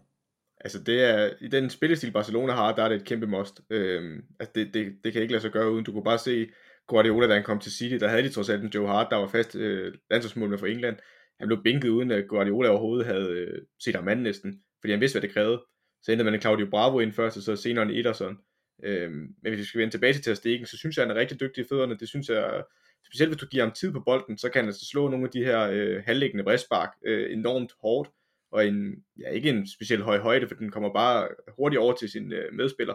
Øh, og specielt hvis de går op og lukker centerbacks, så skal han som regel kunne slå en, øh, en diagonalaflevering, øh, eller en form for diagonalaflevering ud på Bax, øh, ude på Alba eller Semedo.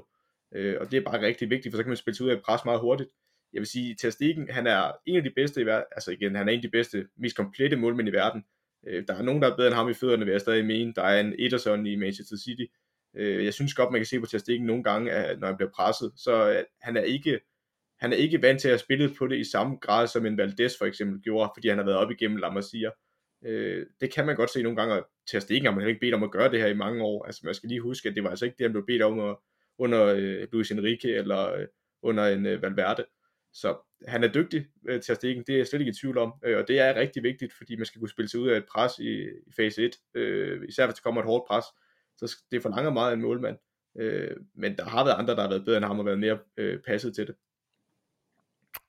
Var det, øh, var det det sidste spørgsmål, du havde i den her, Emil? Det var det sidste, ja. Super, altså vi kan jo snakke om det her i, i lang tid, men uh, jeg synes også, vi skal bevæge os videre til, til ham, der er træner i, i FC Barcelona nu. Det er nemlig uh, Kiki Setien, og øh, han blev jo øh, træner i Barcelona i, øh, i januar måned, da han øh, afløste Ernesto Valverde, og øh, det var til stor jubel for de fleste Barcelona-fans, som jeg kender, også du og jeg, Emil, fordi Kiki Setien, øh, hans spillestil, som man blandt andet har set i Real Betis, det er en, der, der minder utrolig meget om den klassiske Barcelona-stil, vi lige har fået defineret af Søren. Øh, så Søren, hvis du lige kan starte med at svare på, hvorfor, øh, altså Setien, er han ikke rigtig, er han ikke godt valgt som Barcelona-træner? Øh, det, igen, det er et meget todelt øh, spørgsmål for mig, fordi er han den rigtige sådan rent øh, spillestilsmæssigt? Øh, ja, helt sikkert. I forhold til det DNA, der er i Barcelona, der synes jeg, øh, man kunne næsten ikke finde en mand, der passede bedre. Det skulle lige have været en, der havde Barcelona-baggrund også, så kunne det ikke have passet bedre. Øh, I forhold til det spillermateriale, øh, der er i Barcelona lige nu, og i forhold til øh, den situation, der er både i ledelsen øh, og det tidspunkt, han kommer ind i sæsonen på, der synes jeg ikke, han er den rigtige. Øh, jeg, jeg har altid gerne vil se Setien i, i Barcelona, fordi jeg har altid været, eller ikke altid, men siden jeg begyndte at analysere ham, har jeg haft stor sympati for hans spillestil, specielt i mindre klubber, han har at spille på den måde, øh, også mod bedre hold end hans eget, han stadigvæk går ud og siger, at det er dem, der skal dominere spillet og have bolden. Øh, men jeg synes, Setien er den rigtige i forhold til DNA'et i Barcelona, men i forhold til den situation, man har sat ham i, så synes jeg, den er lidt urimelig. Og nu snakker du om, om situationen. Uh, der var blandt andet også andre trænere inde i, uh, i billedet. Største var, var den tidligere Barcelona-spiller Xavi. Der var også en, en Ronald Koeman. Der var snak om en, en Pochettino også. Uh, tror du ud fra situationen i Barcelona lige nu, at de har været bedre løsninger i Barcelona? Øhm, ja, altså det er rigtigt, som du også er inde på. Jeg kan se en Graham Hunter, en, øh, en rigtig dygtig engelsk journalist, der er også Barcelona-ekspert. Øh, skriver, at man først prøvede Xavi. Øh, jeg tror, Xavi har været helt forkert lige nu. Øh, jeg synes ikke, Xavi har nok trænererfaring. Øh, det kan godt være, at han har rigtig meget Barcelona-erfaring, og jeg er heller ikke, jeg er ikke så meget i tvivl om, at han nok skal få chancen i dag, for det tror jeg også nok, han skal gøre godt. Men jeg synes, han har brug for mere tid. Altså, man skal huske, at Guardiola, selvom han var ung, da han kom til, så har han stadig spillet i Barcelona og været B-træner i mange år, så man har haft mulighed for at se ham på træningsbanen rigtig meget. Det har man trods alt ikke med Xavi, og så kan det godt være, at han leverer nogle øh, resultater nede i Mellemøsten, men det er bare ikke helt det samme. Øh, og igen, han er jo også den samme spillestil som Setien, så jeg tror ikke, han var den rigtige. Og igen, øh, også han har, der er spillere i truppen, han har spillet sammen med, det er også en underlig fornemmelse at skulle stå for, og det, det kan godt skabe nogle gnister ind imellem, tror jeg. Øh, ikke at det ikke kan lykkes, men øh, jeg tror ikke, Xavi var den rigtige på nuværende tidspunkt. Koeman har nok aldrig været realistisk. Øh, han ville gerne være hollandsk landstræner til EM, øh, og jeg tror ikke, jeg synes ikke rigtigt, at han har bevist nok til at skulle være Barcelona-træner. Pochettino, igen, i forhold til Barcelona DNA'et, der synes jeg ikke, at han passer så godt ind. Han er en af de bedste trænere i verden i min holdning, og synes, han har gjort et kæmpe stykke arbejde i Tottenham. Øh, men jeg synes heller ikke, han er den rigtige til Barcelona. Øh, måske, hvis du ser på den kortsigtede bane på resultater, kunne han måske have sikret et mesterskab i år øh, i højere grad, end jeg tror, at Setien kunne. Øh, men, men jeg vil bare understrege, som jeg altid gør med øh, spillestil og trænervalg, så skal man kigge på den lange bane, og så kan det godt være, at man ikke vinder et mesterskab i år, det kan godt være, at man snubler, øh, men hvis det betyder, at man om tre år måske har et hold, der spiller Barcelona-spilstilen, som alle går, ja, de fleste Barcelona-fans gerne vil have, øh, og man begynder at få resultater der, så er det måske det, man skal leve med. Det er det måske, men, øh, men, men man kan sige, at Barcelona i hvert fald har, har nok de sidste par sæsoner lidt lidt af, at øh, konkurrenterne fra Madrid har vundet øh, fire Champions League på fem år, og øh, man er inde i, i Messi sidste fase, så det, øh, jeg tror, øh, Barcelona har været meget resultatorienteret i deres, øh, i deres valg af træner, eller deres blik mod træner i hvert fald, fordi man gerne vil have, at Messi skal løfte i hvert fald en Champions League trofæ mere, øh, og måske derfor er gået lidt mere på kompromis med spillestilen, som man blandt andet så med, med en Valverde. Men øh, hvis vi skal kigge på øh, Incitien, hvorfor er det så, at han passer så godt til øh, FC Barcelonas spillestil? Jeg ved, du har, du har, du har været glad for ham, da han, da han var i Betis, og det, øh, blandt andet kan man jo huske, at, øh, en, at Betis med under Setien slog Barcelona på Camp Nou, øh, og måske hvor de faktisk spillede Barcelona-fodbold, og spillede bare, som Barcelona gerne vil spille, og han har, han har i hvert fald i min optik været en træner, jeg gerne vil have set i Barcelona i lang tid, som du siger, så, så igen, så stiller jeg lige spørgsmålet, hvor, hvad er det, hvorfor passer han så godt ind til Barcelona, Setien?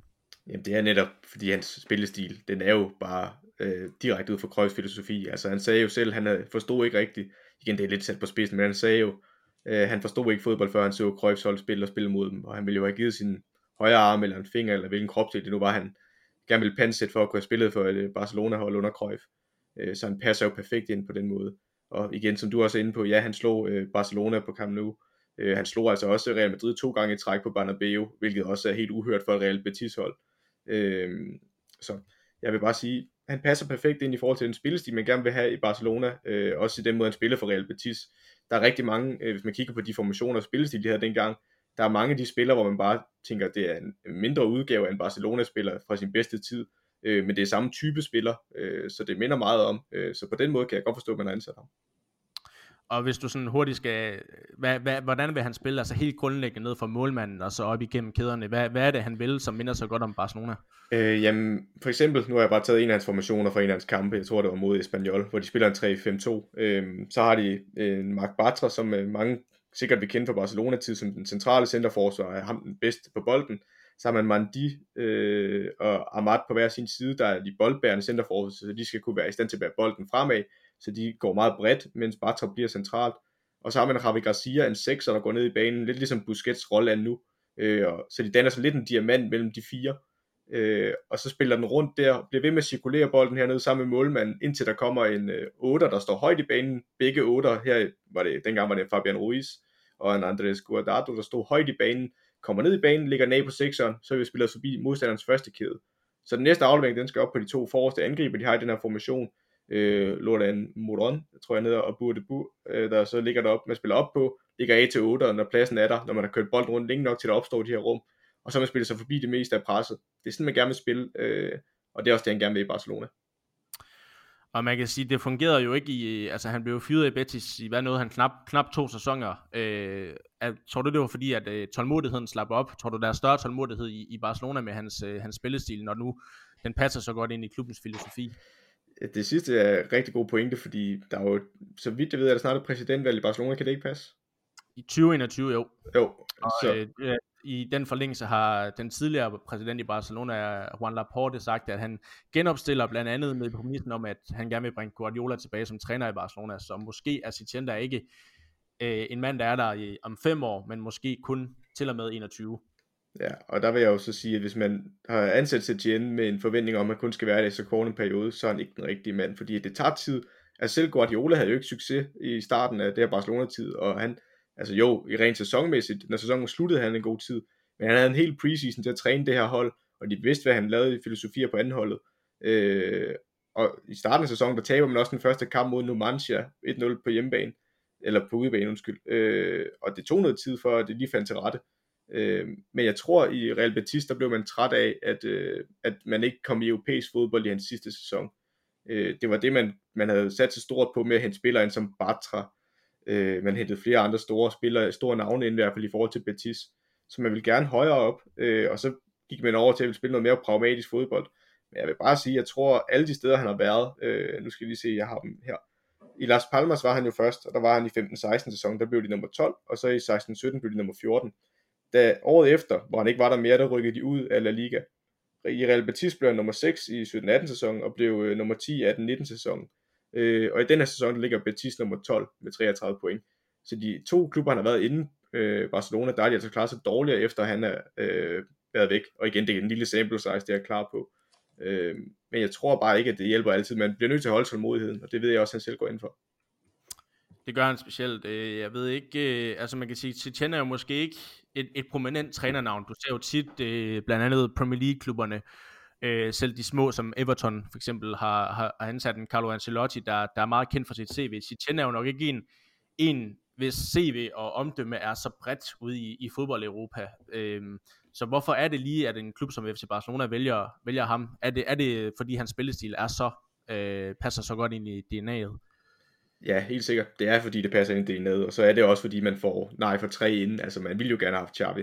Man ville nok gerne have haft Koeman. Man ville nok også gerne have haft Pochettino.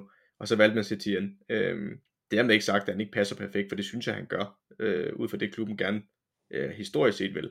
Øh, og så, så er det klart, at det ikke er det største navn, men jeg synes heller ikke, da Valverde kom til, var han det største navn. Det, det er jeg ikke sikker på. Øhm, jeg synes, jeg synes, det handler om, at man skal tage en beslutning som klub, hvor man vil hen spillestilsmæssigt, og så give tid. Så ved jeg godt, at man har en Messi, og det er et kæmpe problem egentlig, at han er så langt op i årene, og man gerne vil se ham løfte en Champions League titel mere. Men der bliver man altså nødt til at tænke langsigtet som klub og sige, hvad er mest sundt for vores klub, både økonomisk i forhold til, hvad vi køber og spiller, øh, og hvad er holdbart på banen. Øh, der tror jeg bare, man må give en træner tid til at få sin spilstil ud i livet. Bestemt. Øhm, og, og i, i forlængelse af det, så kan man sige, at der, der, der er mange store trænere i Premier League, man kan blive inspireret af, mange man kan kigge på, men, men du har også før sagt til mig, den, da Setien ikke var Barcelona-træner, at du blev inspireret af ham. Hvor, hvorfor er det det? Er det fordi, han ikke går på kompromis med sin spillestil, uh, no matter what? Ja, lige præcis. Altså, jeg synes, der er et eller andet prisværdigt i, altså, hvis jeg skulle se en fodboldkamp, så vil jeg, jeg vil nok stoppe med at se fodbold, hvis alle spillede fodbold, ligesom et uh, Burnley-hold eller et Newcastle-hold gør i Premier League, øh, hvor man bare venter på, at modstanderen laver en fejl, og så har man ellers 11 mand bag bolden, og så slår en lang aflevering og håber på en kontra eller en dødboldchance, øh, eller en chance efter dødbold. Øh, det, det tror jeg bare bliver kedeligt i længden som tilskuer. Øh, man har, altså fodbold er i sidste ende underholdning. Øh, jeg ved godt, der er store penge på spil, øh, og det, det kan være folks job, og det handler om resultater, men på en eller anden måde, så synes jeg også, det handler om underholdning. Og der synes jeg bare, det er imponerende, at man vælger som en træner for Real Betis og Las Palmas at gå ud mod de store hold og spille øh, åben og tur have bolden, selvom det, altså, det, det burde være lettere at få et resultat, hvis du stod lavere og håbede på nogle kontra og havde nogle hurtige spillere. Øh, det synes jeg bare er prisværdigt, øh, fordi det er en kæmpe risiko, og det, det gør også, at man er sårbar, fordi det er ikke sikkert, at man får resultater lige med det samme, fordi det er så stor en omvæltning for mange spillere. Øh, det synes jeg bare er imponerende. Det er det bestemt. Tror du, øh, uh, Kishen, uh, øh, hvad hedder det, Kiki Setien, er han en Guardiola 2.0, eller slår han lidt ud i forhold til den måde Guardiola på spillet i Barcelona? Øh, jeg synes, det er en stramning at sige, eller om han er en Guardiola 2.0. Altså, ja, Guardiola er jo en af de største trænere, vi har set øh, de seneste 20-30 år. Altså, hvad han ikke har lavet om. Øh, det kan godt være, at han har haft krøje spillestil, men han har altså også lavet nogle øh, øh innovationer selv ud fra den spillestil. For eksempel at Braxen, der går ind i banen og lukker af. Det er ikke sikkert, det er ham, der har opfundet det, men det er ikke mange, der gjorde det før ham. Øh, så er der også den falske nier igen. Heller ikke ham, der opfandt det, men i nyere tid er det nok ham, der har brugt det mest øh, af de store trænere, de store klubber. Øh, der har været så mange innovationer fra hans side. Jeg er ikke sikker på, at Kiki Setien er, er en lige så stor taktisk geni som øh, Guardiola. Jeg synes også, man kan se det lidt i Barcelona. Han leder efter den rigtige formation. Altså, i de kampe, jeg har set, der har de mod, Bar- eller mod Real Madrid, har de jo spillet, når de dækker op, var det en 4-4-2, når de så angreb, var det en 4-2-2-2, øh, og så har de nogle kampe spillet 4-3-3, nogle kampe har de spillet med tremands midterforsvar, når de har bygget, eller bygget op i fase 1 og 2. Øh, jeg, jeg synes ikke, Setien er på samme linje som Guardiola det er den samme spillestil, det er med på, men der er altså ikke mange, der når Guardiolas øh, taktiske opfattelse. Har du øh, nogle spørgsmål, Emil? Jeg synes faktisk, at, øh, at I har lavet en, en glimrende analyse af, af Setien, så, så det har jeg faktisk ikke. I har da besvaret det hele. Godt, øh, fordi øh, Setiens forgænger, det var altså en, en Ernesto Valverde, og øh, hvis vi lige skal ind og, og kigge lidt på, hvad, hvorfor Valverde han ikke fungerede i, i Barcelona, det har du også forberedt lidt til Søren. Øh, så det tænker jeg lidt, og så sætte ham op imod Setien, hvad, hvordan, altså om man allerede kan se forbedringer nu i forhold til, hvad det er Barcelona valgte Setien for, og så i forhold til, hvad det var øh, Valverde, øh, hvis du forstår mit spørgsmål. Ja, helt sikkert. Øhm, ja, men jeg tager lige det, du siger sidst først, øhm, hvad det er, øhm, i forhold til, hvad man kan se forskellene. Øhm, man kan godt se det med det samme, at Setien er en helt anden. Jeg synes bare, man kan sige på deres øhm, øh, possession-statistikker, at de har altså den første kamp mod Granada, der har de jo bolden næsten 80% af tiden. Det kan jeg ikke huske, hvornår de har haft under Valverde. Øh, de har haft bolden meget under Valverde også, men slet ikke op i de der ekstreme grader, som Guardiola har haft, eller nu Setien. Øh, ja, men hvis vi så skal tage Valverdes spillestil, så vil jeg jo bare, det er en 4-4-2, han udpræget spillet. Øh, det er mest af tiden i hvert fald. Øh, det var meget defensivt og kontraangreb, man satte sig på. Man var solid uden at give for meget væk til modstanderne. Øh, og det var også lidt, en, altså han tog det videre fra ekstrem for Luis Enrique, fordi han spillede jo nok mere end 4-3-3 eller noget i den dur, hvor han havde MSN, øh, den berømte trio med Neymar, øh, Messi og Suarez. Øh, og det var meget kontrabaseret, øh, og man satte så meget på fart, og det tog Valverde bare endnu længere ud, øh, og gjorde dem endnu mere defensivt solide. Det, det så bare gav en bekostning på, det var, at man mistede jo Neymar. Øh, man havde en Suarez, der var begyndt at komme op i årene af Messi, øh, og de har ikke den samme fart, som de havde førhen. Øh, de tror ikke dybden på samme måde, så derfor kunne det godt blive meget statisk nogle gange for Barcelona, og det kunne virke meget, øh, det er selvfølgelig ikke bønlig fodbold i Newcastle, men det var mere primitivt, end man så førhen, øh, og spillede med mindre risiko, og ikke havde lige så meget boldbesiddelse, og turde risikere lige så meget. Og det tror jeg bare, det slider på en klub som Barcelona, fordi man har den her selvopfattelse af, hvordan man gerne vil spille, så kan det godt være, at man kan virke forkælet som Barcelona-fans, når man vinder mesterskaber, og stadigvæk beder sin træner om at blive fyret, fordi han taber to semifinaler, mener der, i, eller var det en semifinal og en kvartfinale i Champions League. Øh, det, altså, det, det, det kan virke forkælet, men jeg kan godt forstå, hvor frustrationen kommer fra, fordi det var blevet noget helt andet, end det Barcelona er kendt for, og det man slår sig op på som klub verdens, altså i verden overhovedet. Altså den der unikke spillestil, øh, det, det, det var det slet ikke mere, og det skaber bare frustrationer, når det så ikke er underholdende samtidig, og man måske ikke helt får de resultater, man når ikke helt den Champions League-final, man måske ønsker jamen så, så, så går det bare galt til sidst. Det er jo i hvert fald et, et, et fremragende eksempel på, at uh, i Barcelona, der er det altså lige meget, om, om, man, om man vinder det hele, så det, der er det altså spillestilen, der, der er det vigtigste i hvert fald. Hvis du så hurtigt skal, skal nævne allerede nu, at man kan se nogle ændringer fra Valverdes Barcelona til Setiens Barcelona, jeg er godt klar over, at, uh, at den nuværende trup er meget en trup, som, som Valverde måske har været med til at sammensætte. Det er vel egentlig kun en, øh, en Martin Brathwaite, som, som Citien direkte har peget på. Altså, kan man allerede nu se, se ændringer øh, i Barcelonas spillestil? Ja, helt sikkert. Altså, det kan man med det samme. Den måde, at de på målsparkene konsekvent vil spille den kort ud, næsten lige meget, hvor højt presset er. Øh, det, det, og det er nok sjældent, man så under Valverde igen. Jeg har ikke set så mange kampe i Barcelona, men det er nok sjældent, man under Valverde så til at stikke rende rundt ud på feltkanten med to centerforfer ved siden af sig, og ville spille den kort ud. Øh, og man kan tydeligt se det i den måde, de, de, de gør det på. Også bare otterne, de står utrolig højt, øh, når Barcelona spiller 4-3-3, eller andre formationer med tre midtbanespillere, så kommer de, øh, så venter til at stikke på, at de kommer ned i banen, så han kan spille den op igennem kæden på dem, der så ligger den af, og så kører vi derfra. Det er meget sjældent, du ser Barcelona slå en lang aflevering, øh, og man spiller med meget højere risiko. Øh, og nogle gange kan det godt virke fanatisk, at man bliver ved med at prøve at spille ud af et pres, selvom man har mistet den de to gange inden. Men så ser man, der ser man så på, at man ikke går efter, måske, man vil altid gerne vinde en fodboldkamp, men man går ud med en tro på, at hvis vi bliver ved med at gøre det her nok, både på træningsbaner til kamp, så til sidst så giver det resultater. Det kan godt være, at det giver resultater lige nu, eller øh, om en uge, eller om en måned, men det kan være, at det skal give resultater om et år, eller øh, om et par måneder. Det er det, man går ud og satser på, og ja, de er begyndt at spille meget mere kort ud. Det gjorde de ikke på samme måde under Valverde. Og man kan sige, med, med transfervinduet, der kommer til, til sommer, ikke, så, øh, så har Citizen mulighed for at sætte sit præg på truppen, og det er også øh, noget, øh, noget, som jeg tænker, vi kommer ind på øh, senere. Men jeg kunne egentlig godt tænke, tænke mig at vide, det, det er også både i forhold til Kiki Citizen og Valverde. Man kan sige, lige nu, der, øh, der har øh, under Guardiola var man også afhængig af Messi, men særligt i de sidste par år har, har Barcelona virkelig været øh, afhængig af Messi, det man kalder en, en Messi depensia, hvor, hvor man siger, jamen uden Messi vil det være, se katastrofalt ud. Tror du, at det er noget, Setien kan ændre på med sin spillestil, hvor man går lidt mere back to basics, kan man sige, og er det, er det nu, at, at Barcelona kan klare sig uden ham? Er det det, man prøver på at forsøge med en og gå lidt mere back to basics, hvor det er spillestilen frem for den individuelle stjerne? Øhm, ja, det kan man måske sige, men jeg, jeg synes, det er svært. Altså, jeg synes, det er et kæmpe paradoks med Lionel Messi.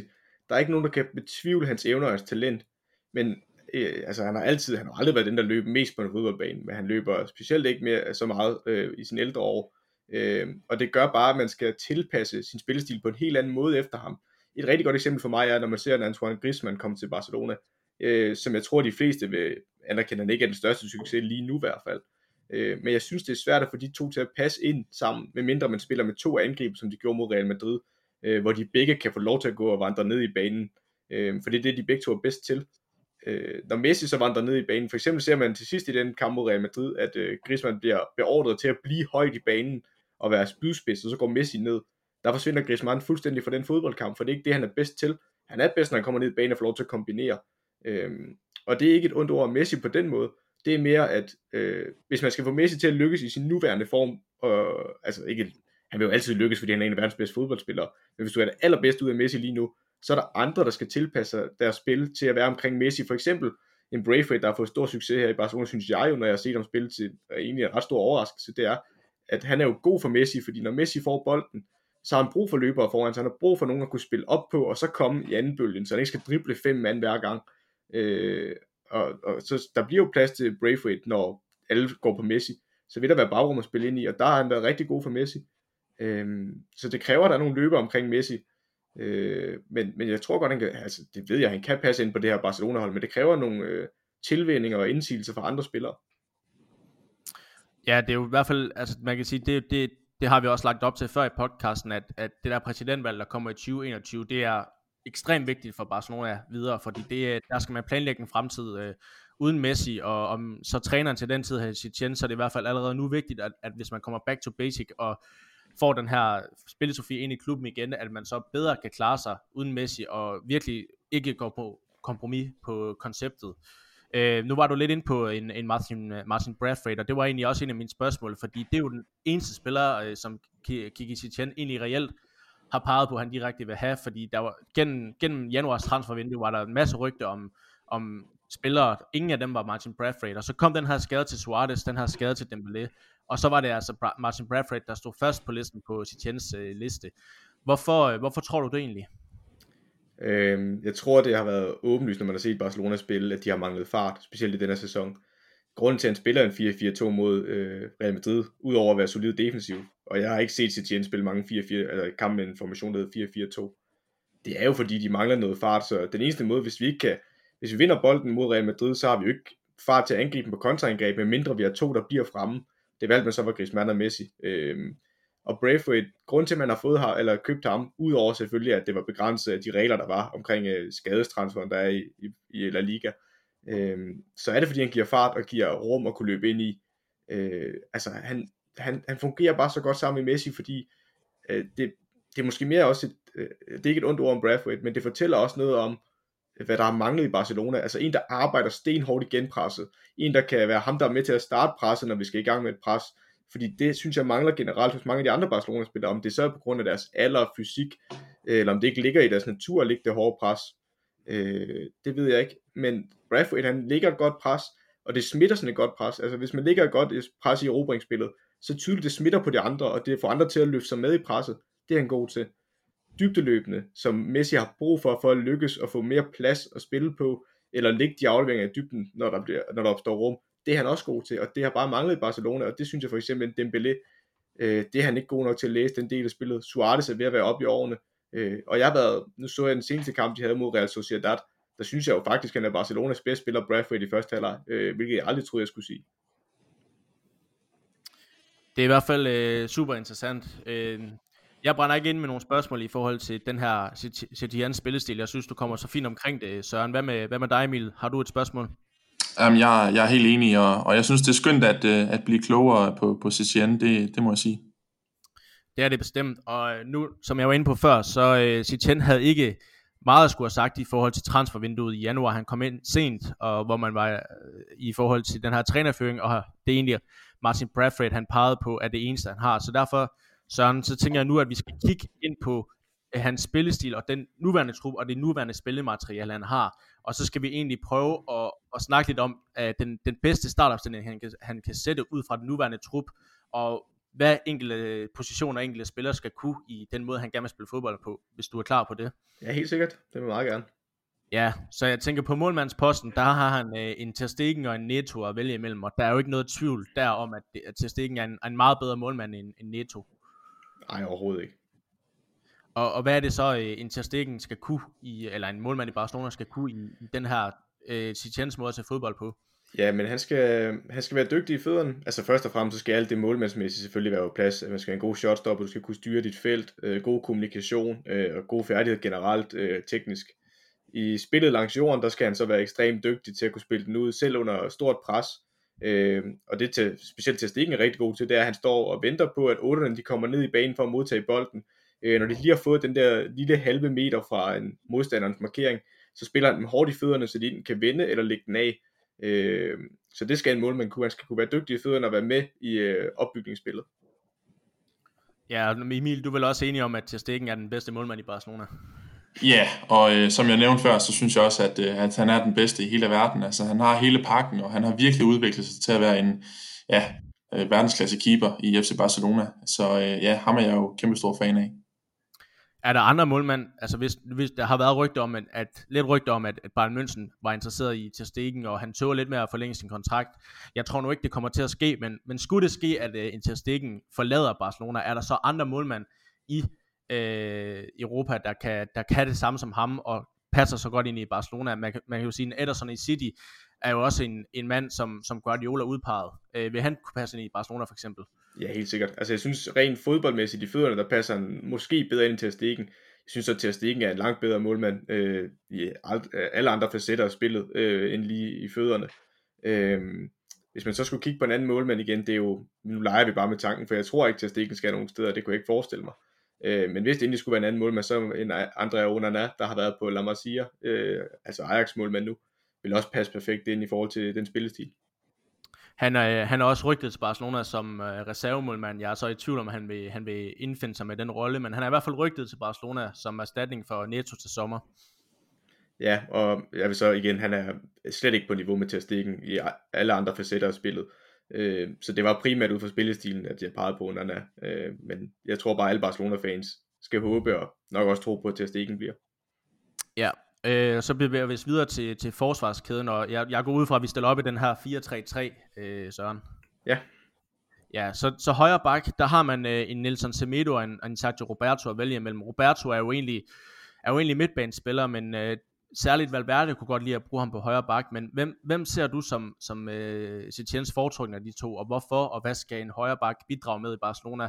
der er jo, Dani Alves øh, lurer jo altid, og man sammenligner altid en højre bak med det, Dani Alves kunne i Barcelona. Ja, og igen, som du også sagde tidligere i afsnittet, der er det svært at sammenligne med Daniel Alves, fordi han var så dygtig offensiv. Altså, det er nok en af de bedste offensive backs, vi har set øh, nogensinde. Øhm, så, så han er svær at erstatte. Jeg vil sige helt klart Semedo fra min side. Øh, igen, det kommer an på, hvordan han stiller op, fordi han har jo tidligere i sæsonen brugt Sergio Roberto på højre bak, men så var det, hvor Alba blev meget mere fri at løbe op næsten som en kant, og så Roberto gik ind i banen og var næsten en for øh, forsvar, når de spillede bolden ud fra fase 1 til fase 2, øh, hvor Busquets gik ned, så han lå faktisk mere som central centerforsvar, når de havde bolden. Jeg synes bare, at Semedo passer meget bedre, hvis vi spiller en 4-3-3, fordi han er hurtigere, han er bedre offensiv, han har mere fart, øh, han er bedre i duellerne, det synes jeg specielt, nu så vi ham mod Liverpool sidste år, hvor Sergio Roberto startede mange af kampene, øh, eller de to kampe der, det, det var bare ikke retfærdigt over for en øh, Sadio Mane eller en øh, Odigi, der har rigtig meget fart. Øh, der synes jeg, Semedo, selvom ikke er en bedst defensiv bak, så er han trods alt hurtigere og bedre mand mand. Øh, og så passer han bare bedre med, at man skal skubbe baks højt, specielt hvis man vil spille 4-3-3'en, hvor man har de to kanter, der i virkeligheden bliver mere mellemrumspillere, går ned i banen, eller så går de op i dybden og søger bag ved Messi. Øh, der, der, der kræver det, at man får bredde på andre måder, og så er det næsten, at hvor, eller baksene de bliver til kanter. Øh, og der passer Semedo meget bedre med fart, øh, og kan komme til baglinjen og lave cutback. Er der, øh, altså, der har været lidt rygter, nu, nu var vi selv inde på det i starten om, at, at uh, Inter vil have en Semedo, der har også været rygter om City vil have en Semedo. Er der, er der nogen, altså er der nogen højrebacks ude i verden, der måske passer bedre ind i Barcelonas spillestil? Jeg ved, en, en Joao Cancelo fra, fra Manchester City lige nu har været på, på rygte, eller har været på bloggen i Barcelona i mange år. Øh, personligt kan jeg også godt lide en, en Joshua Kimmich i Bayern München, men han er måske begyndt at blive lidt mere en, en, en midtbanespiller end en, en højre bak.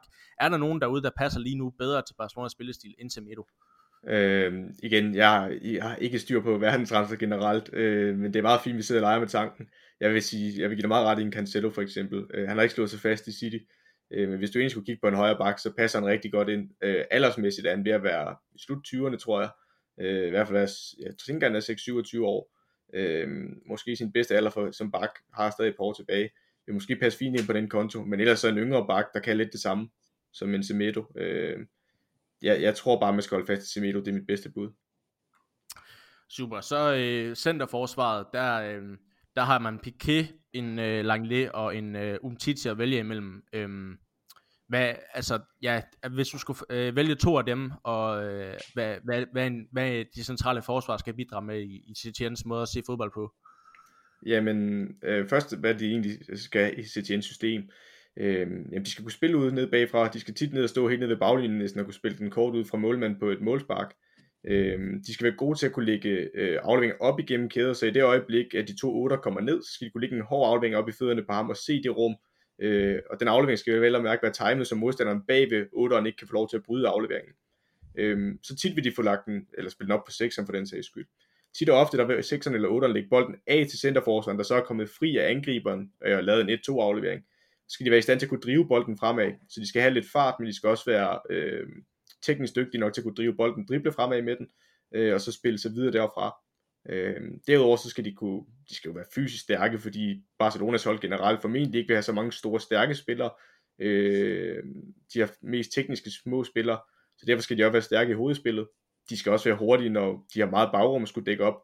Det er måske det, en Piqué mangler, mangler lige nu, øh, i forhold til en yngre udgave af Piqué. Har aldrig været den hurtigste, men, men det, det er blevet værre på de senere år med alt det bagrum, han skal dække, øh, for han har ikke farten til det. Øh, hvis vi så kigger på det spillermateriale, han har lige nu, Piqué er rigtig god til de fleste af de her ting. Altså, der er han jo skabt til det, fordi han, han har spillet under Guardiola i alle de år, og været på La Masia også. Øh, men han mangler farten, men jeg kan ikke se nogen bedre løsning end ham som den højre centerforsvar.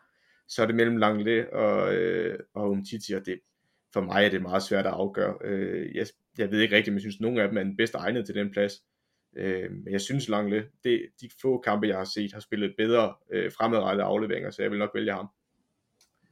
Uh, ja, det, det, det er vi vel også enige i, Emil. Vi har snakket om, at uh, Umtiti har været en skygge af sig selv siden uh, VM i, i 2018 i hvert fald.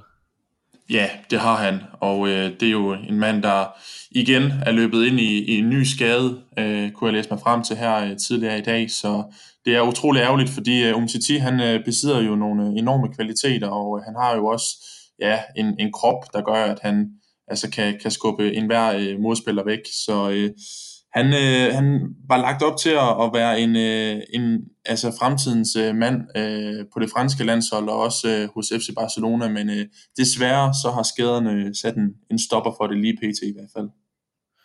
Og øh, nu, øh, nu tænker jeg, Søren, at, at efter vi har gennemgået det her, så vil jeg, så vil jeg spørge dig ind til, hvor, hvor Barcelona skal kigge efter forstærkninger, men, men i, min, i min optik er i hvert fald øh, forsvarsdelen en af de ting, øh, en af de steder, hvor de skal kigge efter forstærkninger, men det tager vi efter den her gennemgang af, af de bedste spillere, og så bevæger vi os ud på, på venstre bakken, hvor øh, Kiki Setien, han har øh, Jordi Alba og en Junior Firbo at, at vælge imellem, og særligt en Junior Firbo har han jo i hvert fald fået noget af det bedste fodbold ud af, da han, øh, da han grundet, eller deres fælles fortid i, i Real Betis.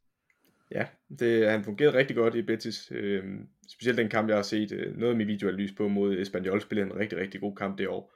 Øh, jeg vil dog stadig sige, at Jordi Alba er første valg. Han er, har været en del år nu en af de bedste venstreback i verden. Øh, og specielt rent offensivt er han rigtig, rigtig hurtig.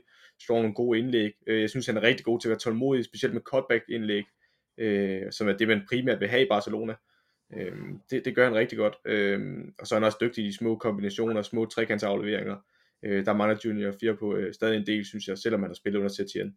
Øh, Jordi Alba er mit klare første valg på venstre bak.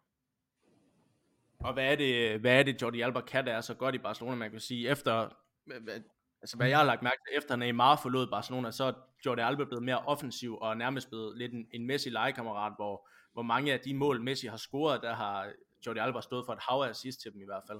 Ja, og det, det, det opstår tit af, at Messi får bolden, bliver retvendt, og så har han ikke nogen afleveringer foran sig, for der er nogen, der løber dybt. Og så kommer Alba tit i de her overlap på ydersiden, og så kan han spille den bredt Messi, og så, øh, så sinker Messi som regel sit løb, lade en Suarez eller en øh, Griezmann eller nogle andre lave det første løb, og så kan Alba være tålmodig, se forspillerne løbe efter Griezmann, der laver den første bevægelse, og så venter Messi på cutbacken, eller står en Rakitic eller en anden på feltkanten øh, til at få de her afslutninger. Og det er cutback-indlægget, øh, eller flade indlæg generelt, men særligt cutback-indlægget, det vil sige, når til baglinjen, så ligger den skråt bagud fra øh, Jordi Alba. Det er det, som baksen som regel skal kunne i et Barcelona-system. Øh, Udover selvfølgelig at være teknisk score og have fart. Øh, og det har Alba. Ja, øh, så bliver vi jo op øh, mod øh, midtbanen, og øh, der har man en, øh, der, der spiller vi altid med defensiv midtbane, og den, den sidder Busquets jo tungt på. Øhm, så har, kan du også vælge mellem en, en De Jong, en Vidal, en Rakitic, en Arthur og en, ja, altså nu, ja, en, øh, de har en, en, en del midtbanespillere i Barcelona, så hvis jeg glemmer nogen, så øh, bær over med mig. Men, men hvem, hvem, øh, hvem skal være på tremands midtbane i Barcelona, og hvad skal de kunne? Øhm, ja, den, ja øh, først og fremmest sekseren, Sergio Busquets, øh, har han sat sig på fuldstændig, altså den defensive midtbane. Øh, han skal være en bandespiller i forhold til, at han skal altid ligge i den der diamant, vi har snakket om tidligere, lige foran øh, forsvarskæden, og bare være en bandespiller, så de kan lægge den op på ham. Hvis han er presset, spiller han bare tilbage. Øh, hvis han ikke er under pres, så, bliver, så vender han sig og bliver retvendt, og så spiller videre derfra.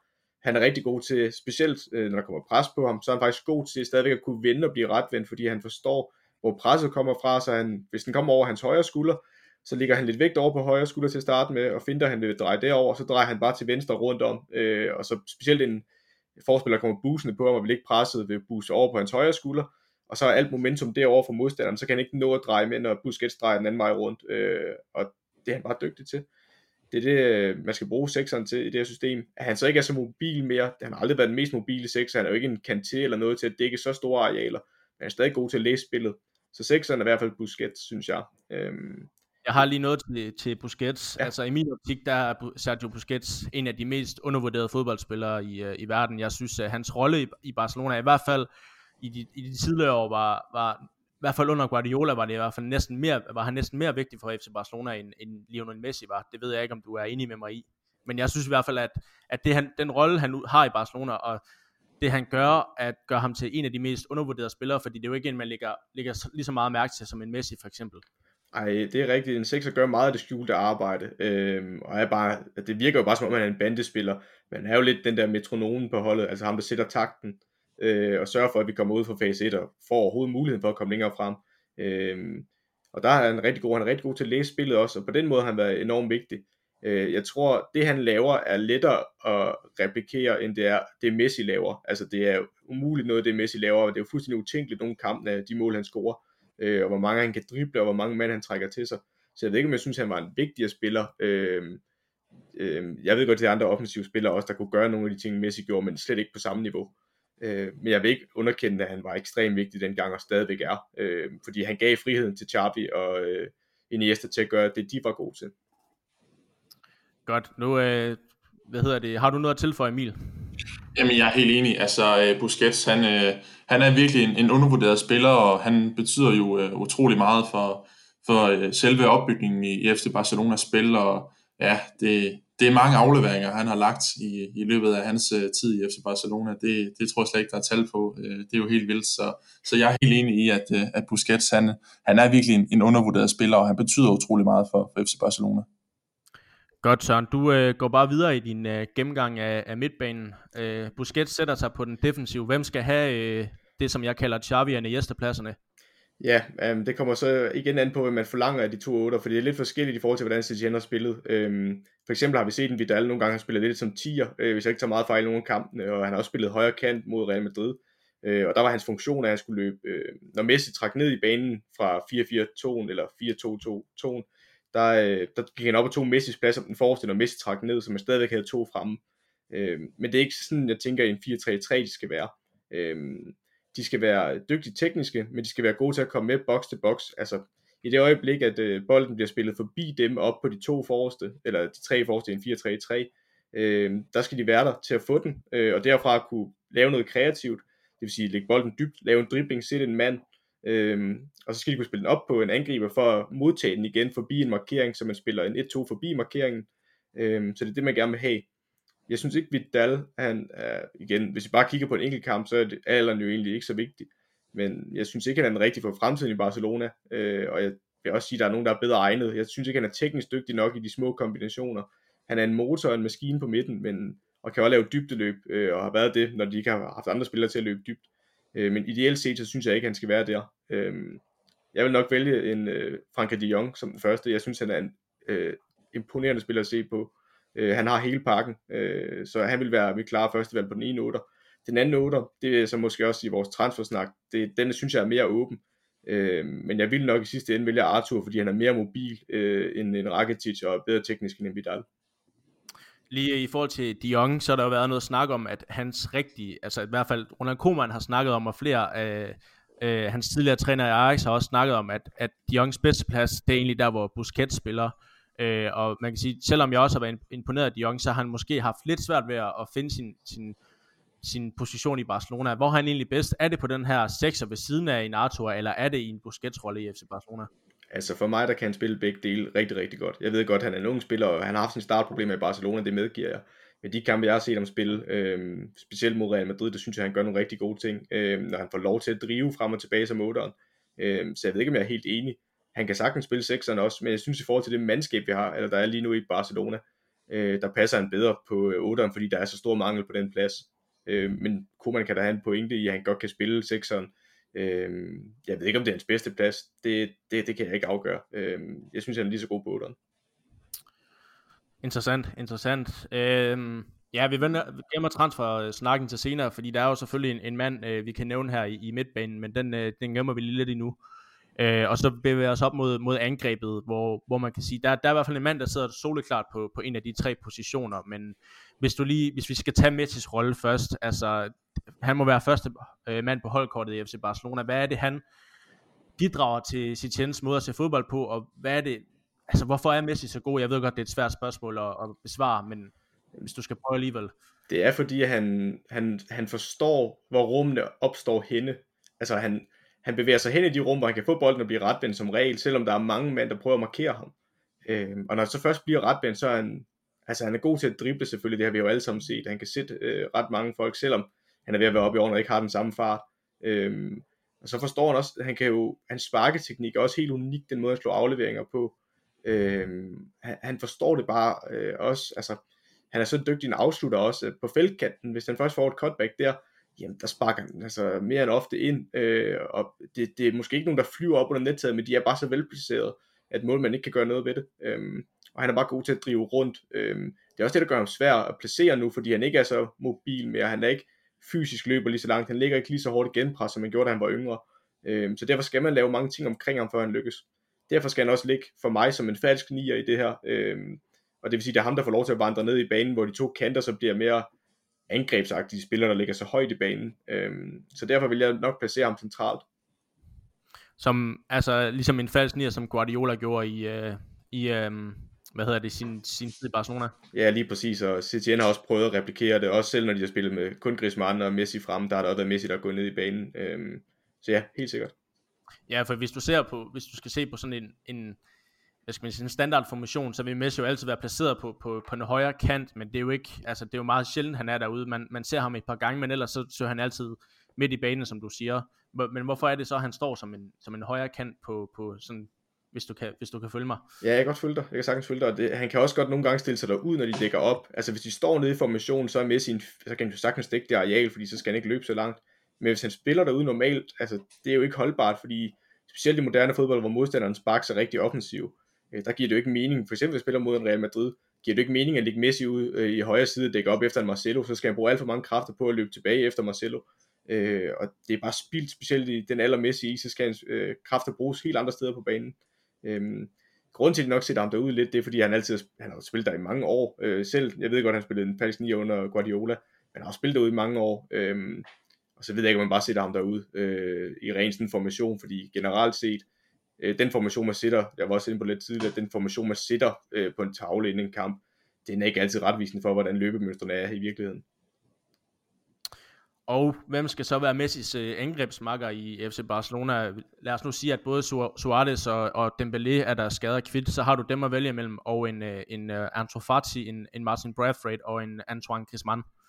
Ja, og det, det er måske her, jeg bliver lidt kontroversiel, fordi, øhm, og det er igen, det vi var inde på tidligere med, at Messi, øh, for at få ham til at være sin allerbedste udgave i sin nuværende version, og gøre Barcelona bedst muligt, øh, der bliver man nødt til at tage nogle kontroversielle valg. Øh, jeg vil nok stadigvæk have Suarez som den ene af dem, for jeg synes stadigvæk, han er så god en opspilstation for Messi, han kan lave en 1-2 på ham, øh, og han er jo stadig vanvittig god afslutter, Suarez også, øh, teknisk dygtig, øh, fighter også, selvom hans fysik ikke er den samme, som han har været, og ikke har den samme fart, men han vil nok være mit klare øh, valg på den ene angreb, øh, i kant, øh, vil nok øh, ligge sig i venstre.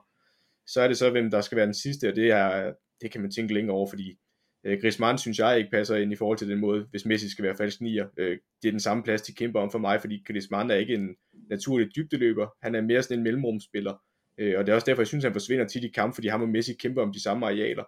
Øh, så han vil ikke starte inden for mig. Øh, jeg tror faktisk, at jeg er ude i det enten af Fati eller Braithwaite. Øh, Dembélé har jeg ikke set nok til øh, på Barcelonas hold, til at jeg rigtig kan sige så meget om ham. Udover at jeg ikke synes, at han er disciplineret nok, og ikke er en dybdeløber nok til, at jeg vil placere ham der. Jeg vil faktisk nok placere Bradford der til at starte med, øh, fordi han har så god forståelse med Messi, og fordi han åbner så meget op for de andre spillere. Interessant, interessant. Dermed har vi altså fået en, øh, et, et bud på, øh, på Sitjens bedste øh, startelver med det nuværende spillermateriale. Er du øh, overrasket, Emil? Altså, jeg må sige, at, øh, at jeg er jo selvfølgelig lidt overrasket over, at, at Søren han vælger uh, Brathwaite ud på, på venstre kant, men jeg kan sagtens følge Søren. Jeg synes heller ikke, at, uh, at Griezmann han skal, han skal spille derude, og vi har også set, at når Griezmann han har spillet der øh, øh, i den her sæson, jamen så har han haft det utrolig svært, og han løber rundt som, som en, der ikke rigtig ved, hvor han skal placere sig på banen, og det passer slet ikke til, til Griezmann, så jeg, jeg kan godt følge Søren, og jeg synes også, at, at øh, Bradford, han, altså, han giver bare noget mere til spillet, øh, end øh, Griezmann han gør ud på, på kanten, så, så jeg er enig med Søren faktisk. Fedt. Så synes jeg, vi skal kigge lidt på, på hvor Barcelona kunne forstærke sig til sommer. Øh, jeg kan nemlig selv være lidt i tvivl om en, en Martin Bradford. Han er også spiller i Barcelona efter sommerferien, men den, øh, den diskussion kan vi tage en anden dag. Så hvis du skulle kigge på, på nogle mangler øh, i FC Barcelona, øh, Søren, og hvor de kunne forstærke sig, og eventuelt, man snakker altid om, øh, om spillere, der er Guardiola-spiller, eller en Klopp-spiller, øh, en Mourinho-spiller, som går ind og forstærker øh, deres hold øh, hvor det nu er, som de kun kan få det bedste ud, ud af. For eksempel en, en Jordan Henderson i Liverpool fungerer jo øh, rigtig godt under Klopp. Er der, er der nogle spillere, som Setien kunne hente til Barcelona, som vil kunne fungere under hans spilkoncept? Og jeg synes, det er svært, fordi jeg ved, øh, jeg synes, det bliver svært, fordi vi snakker op på den aller, aller øverste hylde af spillere, når vi skal forbedre et Barcelona-hold. Øh, og ellers skal det være nogle udviklingsspillere, man køber ind, som Liverpool-hold blandt andet har gjort, øh, og så udvikle dem til at blive øh, stamspillere. Øh, Øh, så skal man selvfølgelig kigge på, når man er et Barcelona-hold, skal man selvfølgelig kigge indad mod La Masia. Altså en af de problemposter, jeg har, øh, jeg skal nok lige vende tilbage til den hurtigt om lidt, øh, det er, at øh, Oderen for eksempel, der har man jo ham, den unge spiller, øh, hvad den hedder, Ricky Puig, eller sådan noget. Øh, tror jeg, vi bliver enige om, ikke Emil? Øh, ja, øh, Puch, ja. Ja, Puch, ja okay. Øh, men han er, han er jo en oplagt kandidat til en af de otte pladser, synes jeg jo. Han passer perfekt ind i spillestilen, øh, og er en ung La Masia-spiller, forstår konceptet. Øh, men det, den kan vi tage en anden gang. Øh, men først og fremmest så er det en, en centerforsvar, øh, og øh, måske endda to, hvis man kigger på Piquets alder. Øh, hvis man virkelig skulle være kredsen, så er det to. Øh, der mangler fart hos dem alle tre, øh, dem der er dernede. Øh, Umtiti er stærk fysisk, men han er ikke et decideret hurtigt centerforsvar. Øh, han er hurtigere end de to andre, vil jeg mene, men ikke hurtigt nok, synes jeg.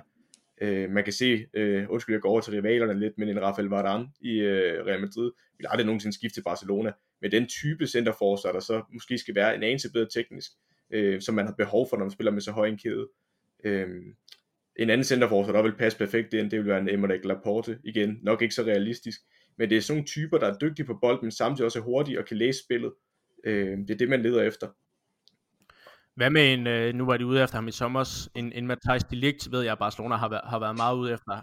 Vi skifter måske ikke til Barcelona på grund af, at, at han godt kunne se, at vejen til spilletid var lidt længere, end den er hos øh, Juventus. Er han også en mand, der vil passe ind i Barcelona? Ja, helt sikkert. Altså, han har jo også spillet i Ajax-akademiet, øh, og spillet sammen med Frenkie de Jong også. De kender godt den her spillestil. Øh, det er meget ens op af altså Ajax og Barcelona spillestil, så han vil passe rigtig godt ind. Er han hurtig nok? Øh, igen, det vil jeg mene, han er, men, men han, er ikke, han er ikke lynende hurtig som centerforsvar, men han er bestemt i den hurtigere ende. Øh, han vil helt sikkert være en kandidat. Øh, og så ellers, altså centerforsvaret, klart, og så den næste position op på, det er nok øh, midtbanen.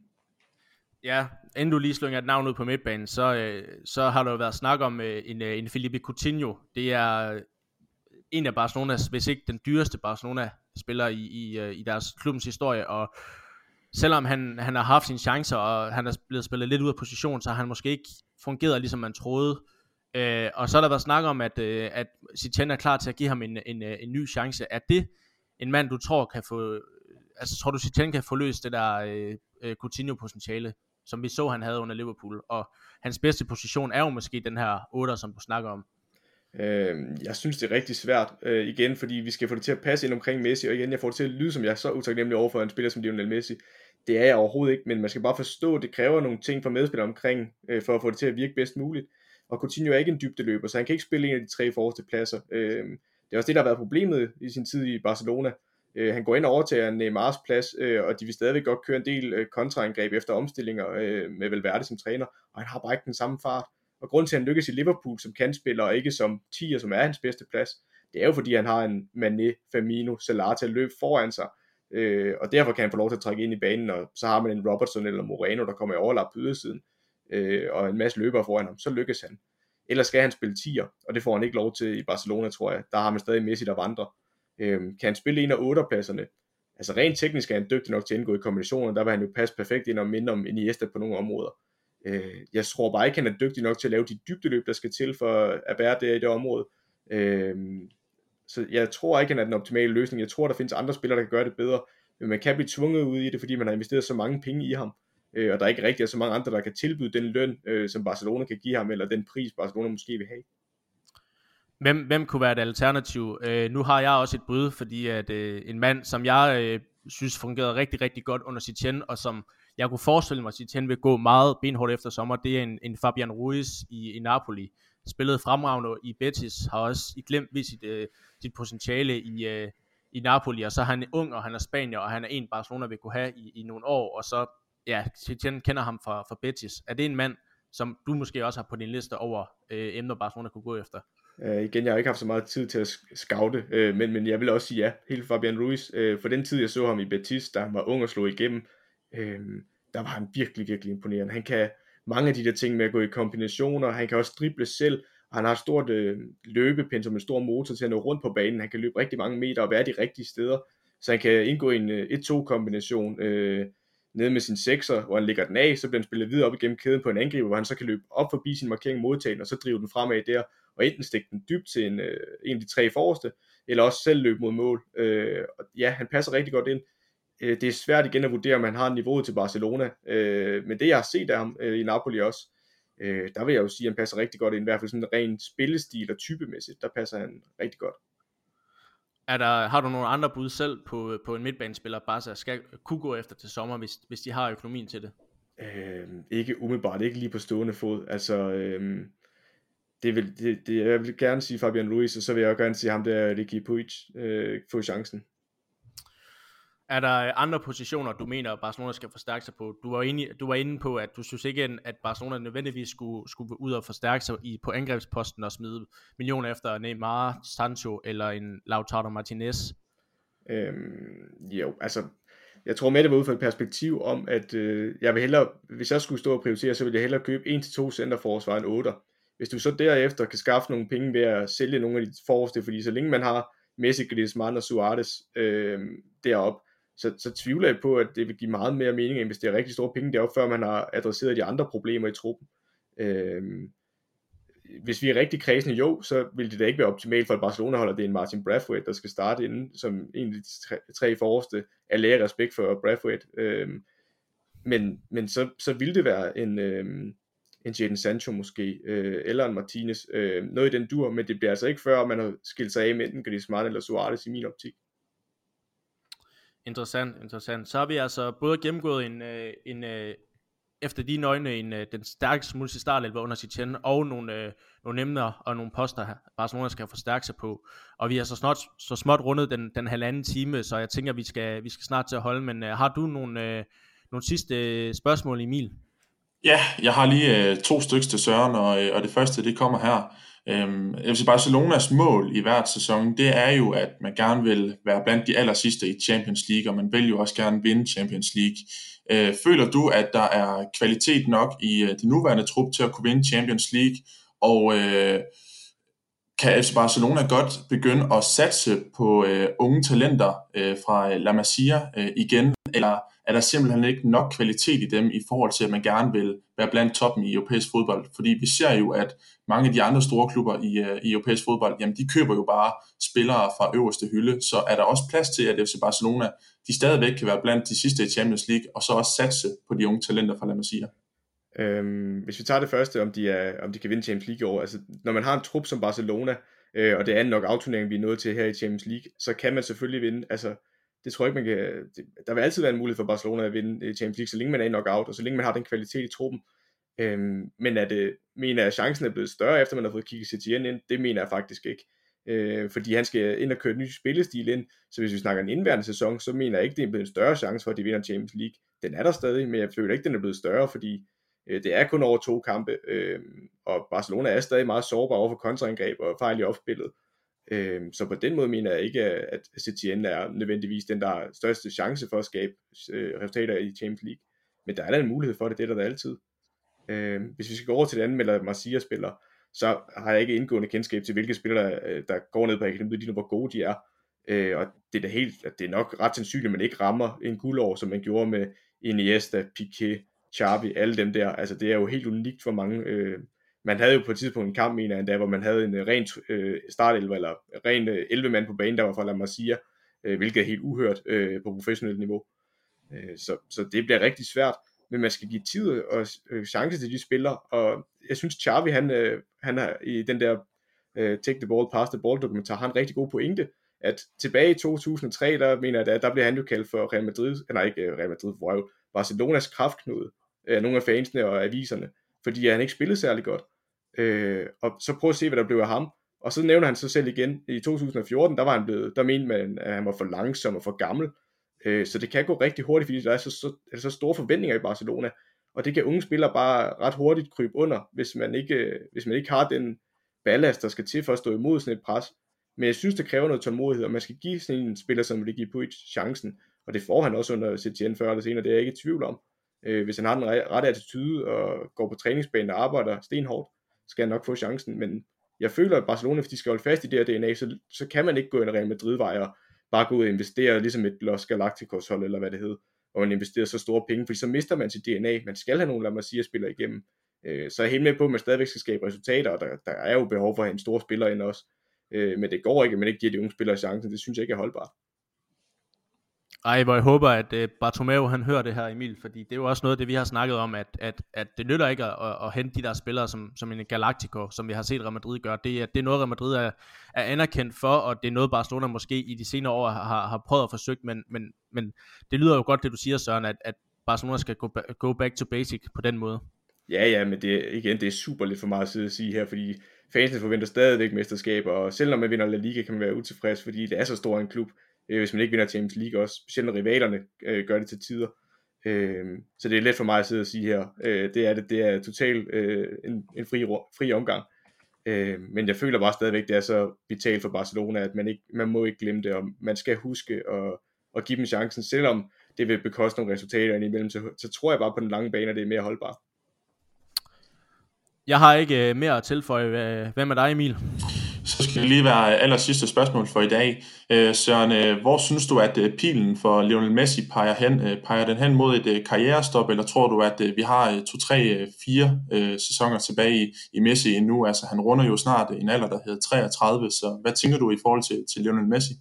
Øhm, altså, jeg ved ikke, hvor længe Messi selv har tænkt sig at spille. Det har jeg ikke, så godt kender jeg ikke Messi eller i medierne. Øhm, rent spillestilsmæssigt, det han er blevet til nu, den der falske nier, der går ned i banen, øh, det er ikke fordi, det kræver så sindssygt meget arbejde for ham, hvis de andre tilpasser sig omkring ham. Så jeg tror jeg godt, vi kan se ham i, i hvert fald to-tre år endnu. Øh, hvis han fortsætter, altså hvis man indretter sig efter det, så kan man sagtens spille med Messi, øh, og stadigvæk være en af verdens bedste fodboldspillere. Øh, men der er nogle begrænsninger ved det, og det skal man være opmærksom på som klub. Øh, så jeg kunne sagtens se Messi spille to-tre år mere. Interessant. Øh, har, vi, øh, har du nogle sidste pointer, Søren? Øh, ikke udover, at jeg øh, beklager meget de lange svar, øh, og øh, rigtig meget nørderi. Det, det, det vil jeg beklage, øh, men, men det, det kræver bare nogle uddybninger indimellem.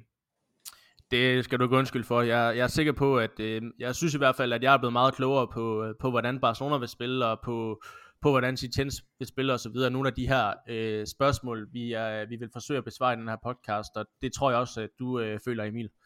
Ja, det gør jeg helt bestemt. Altså, det skal du godt nok ikke undskylde for, Søren. Det er jo netop derfor, vi har, har skrevet til dig. Det er jo fordi, at du, du er jo virkelig nørd inden for, for fodbolden, og, og det er jo fantastisk, at, øh, at du vil være med her i dag. Og, og jeg, jeg synes virkelig også, at øh, jeg er blevet klogere på, på Setien, og det er virkelig skønt. Og med det, så synes jeg, at øh, vi, skal, vi skal sige tak for, for dagens øh, panel. Øh, Emil Mozart Hansen, tak fordi du endnu en gang øh, øh, vil deltage.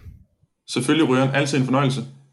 Og Tusind tak til dig, Søren, for at du vil være vores øh, første gæst i den her podcast. Vi håber på, at øh, du måske kunne være med en anden gang, hvor vi skulle kigge på nogle, nogle andre taktiske øh, tendenser. Blandt andet så øh, synes jeg også, det kunne være interessant at få et perspektiv i, om, om, om man kunne se en Jørgen Klopp eller en, øh, en Mourinho i Barcelona.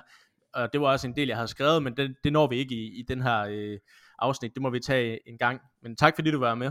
Selv tak. Øh, jeg vil meget gerne være med en anden gang. Det har været en ære og en total fornøjelse at være med. Og med det, så øh, tak for denne gang, og vi lyttes ved, og husk, at du kan abonnere på os på iTunes, og husk at give os fem stjerner. Øh, der, der er stadigvæk øh, få øh, vurderinger i øh, Apple, det håber vi kan komme op, og ellers så tak fordi du lytter med, og vi ses.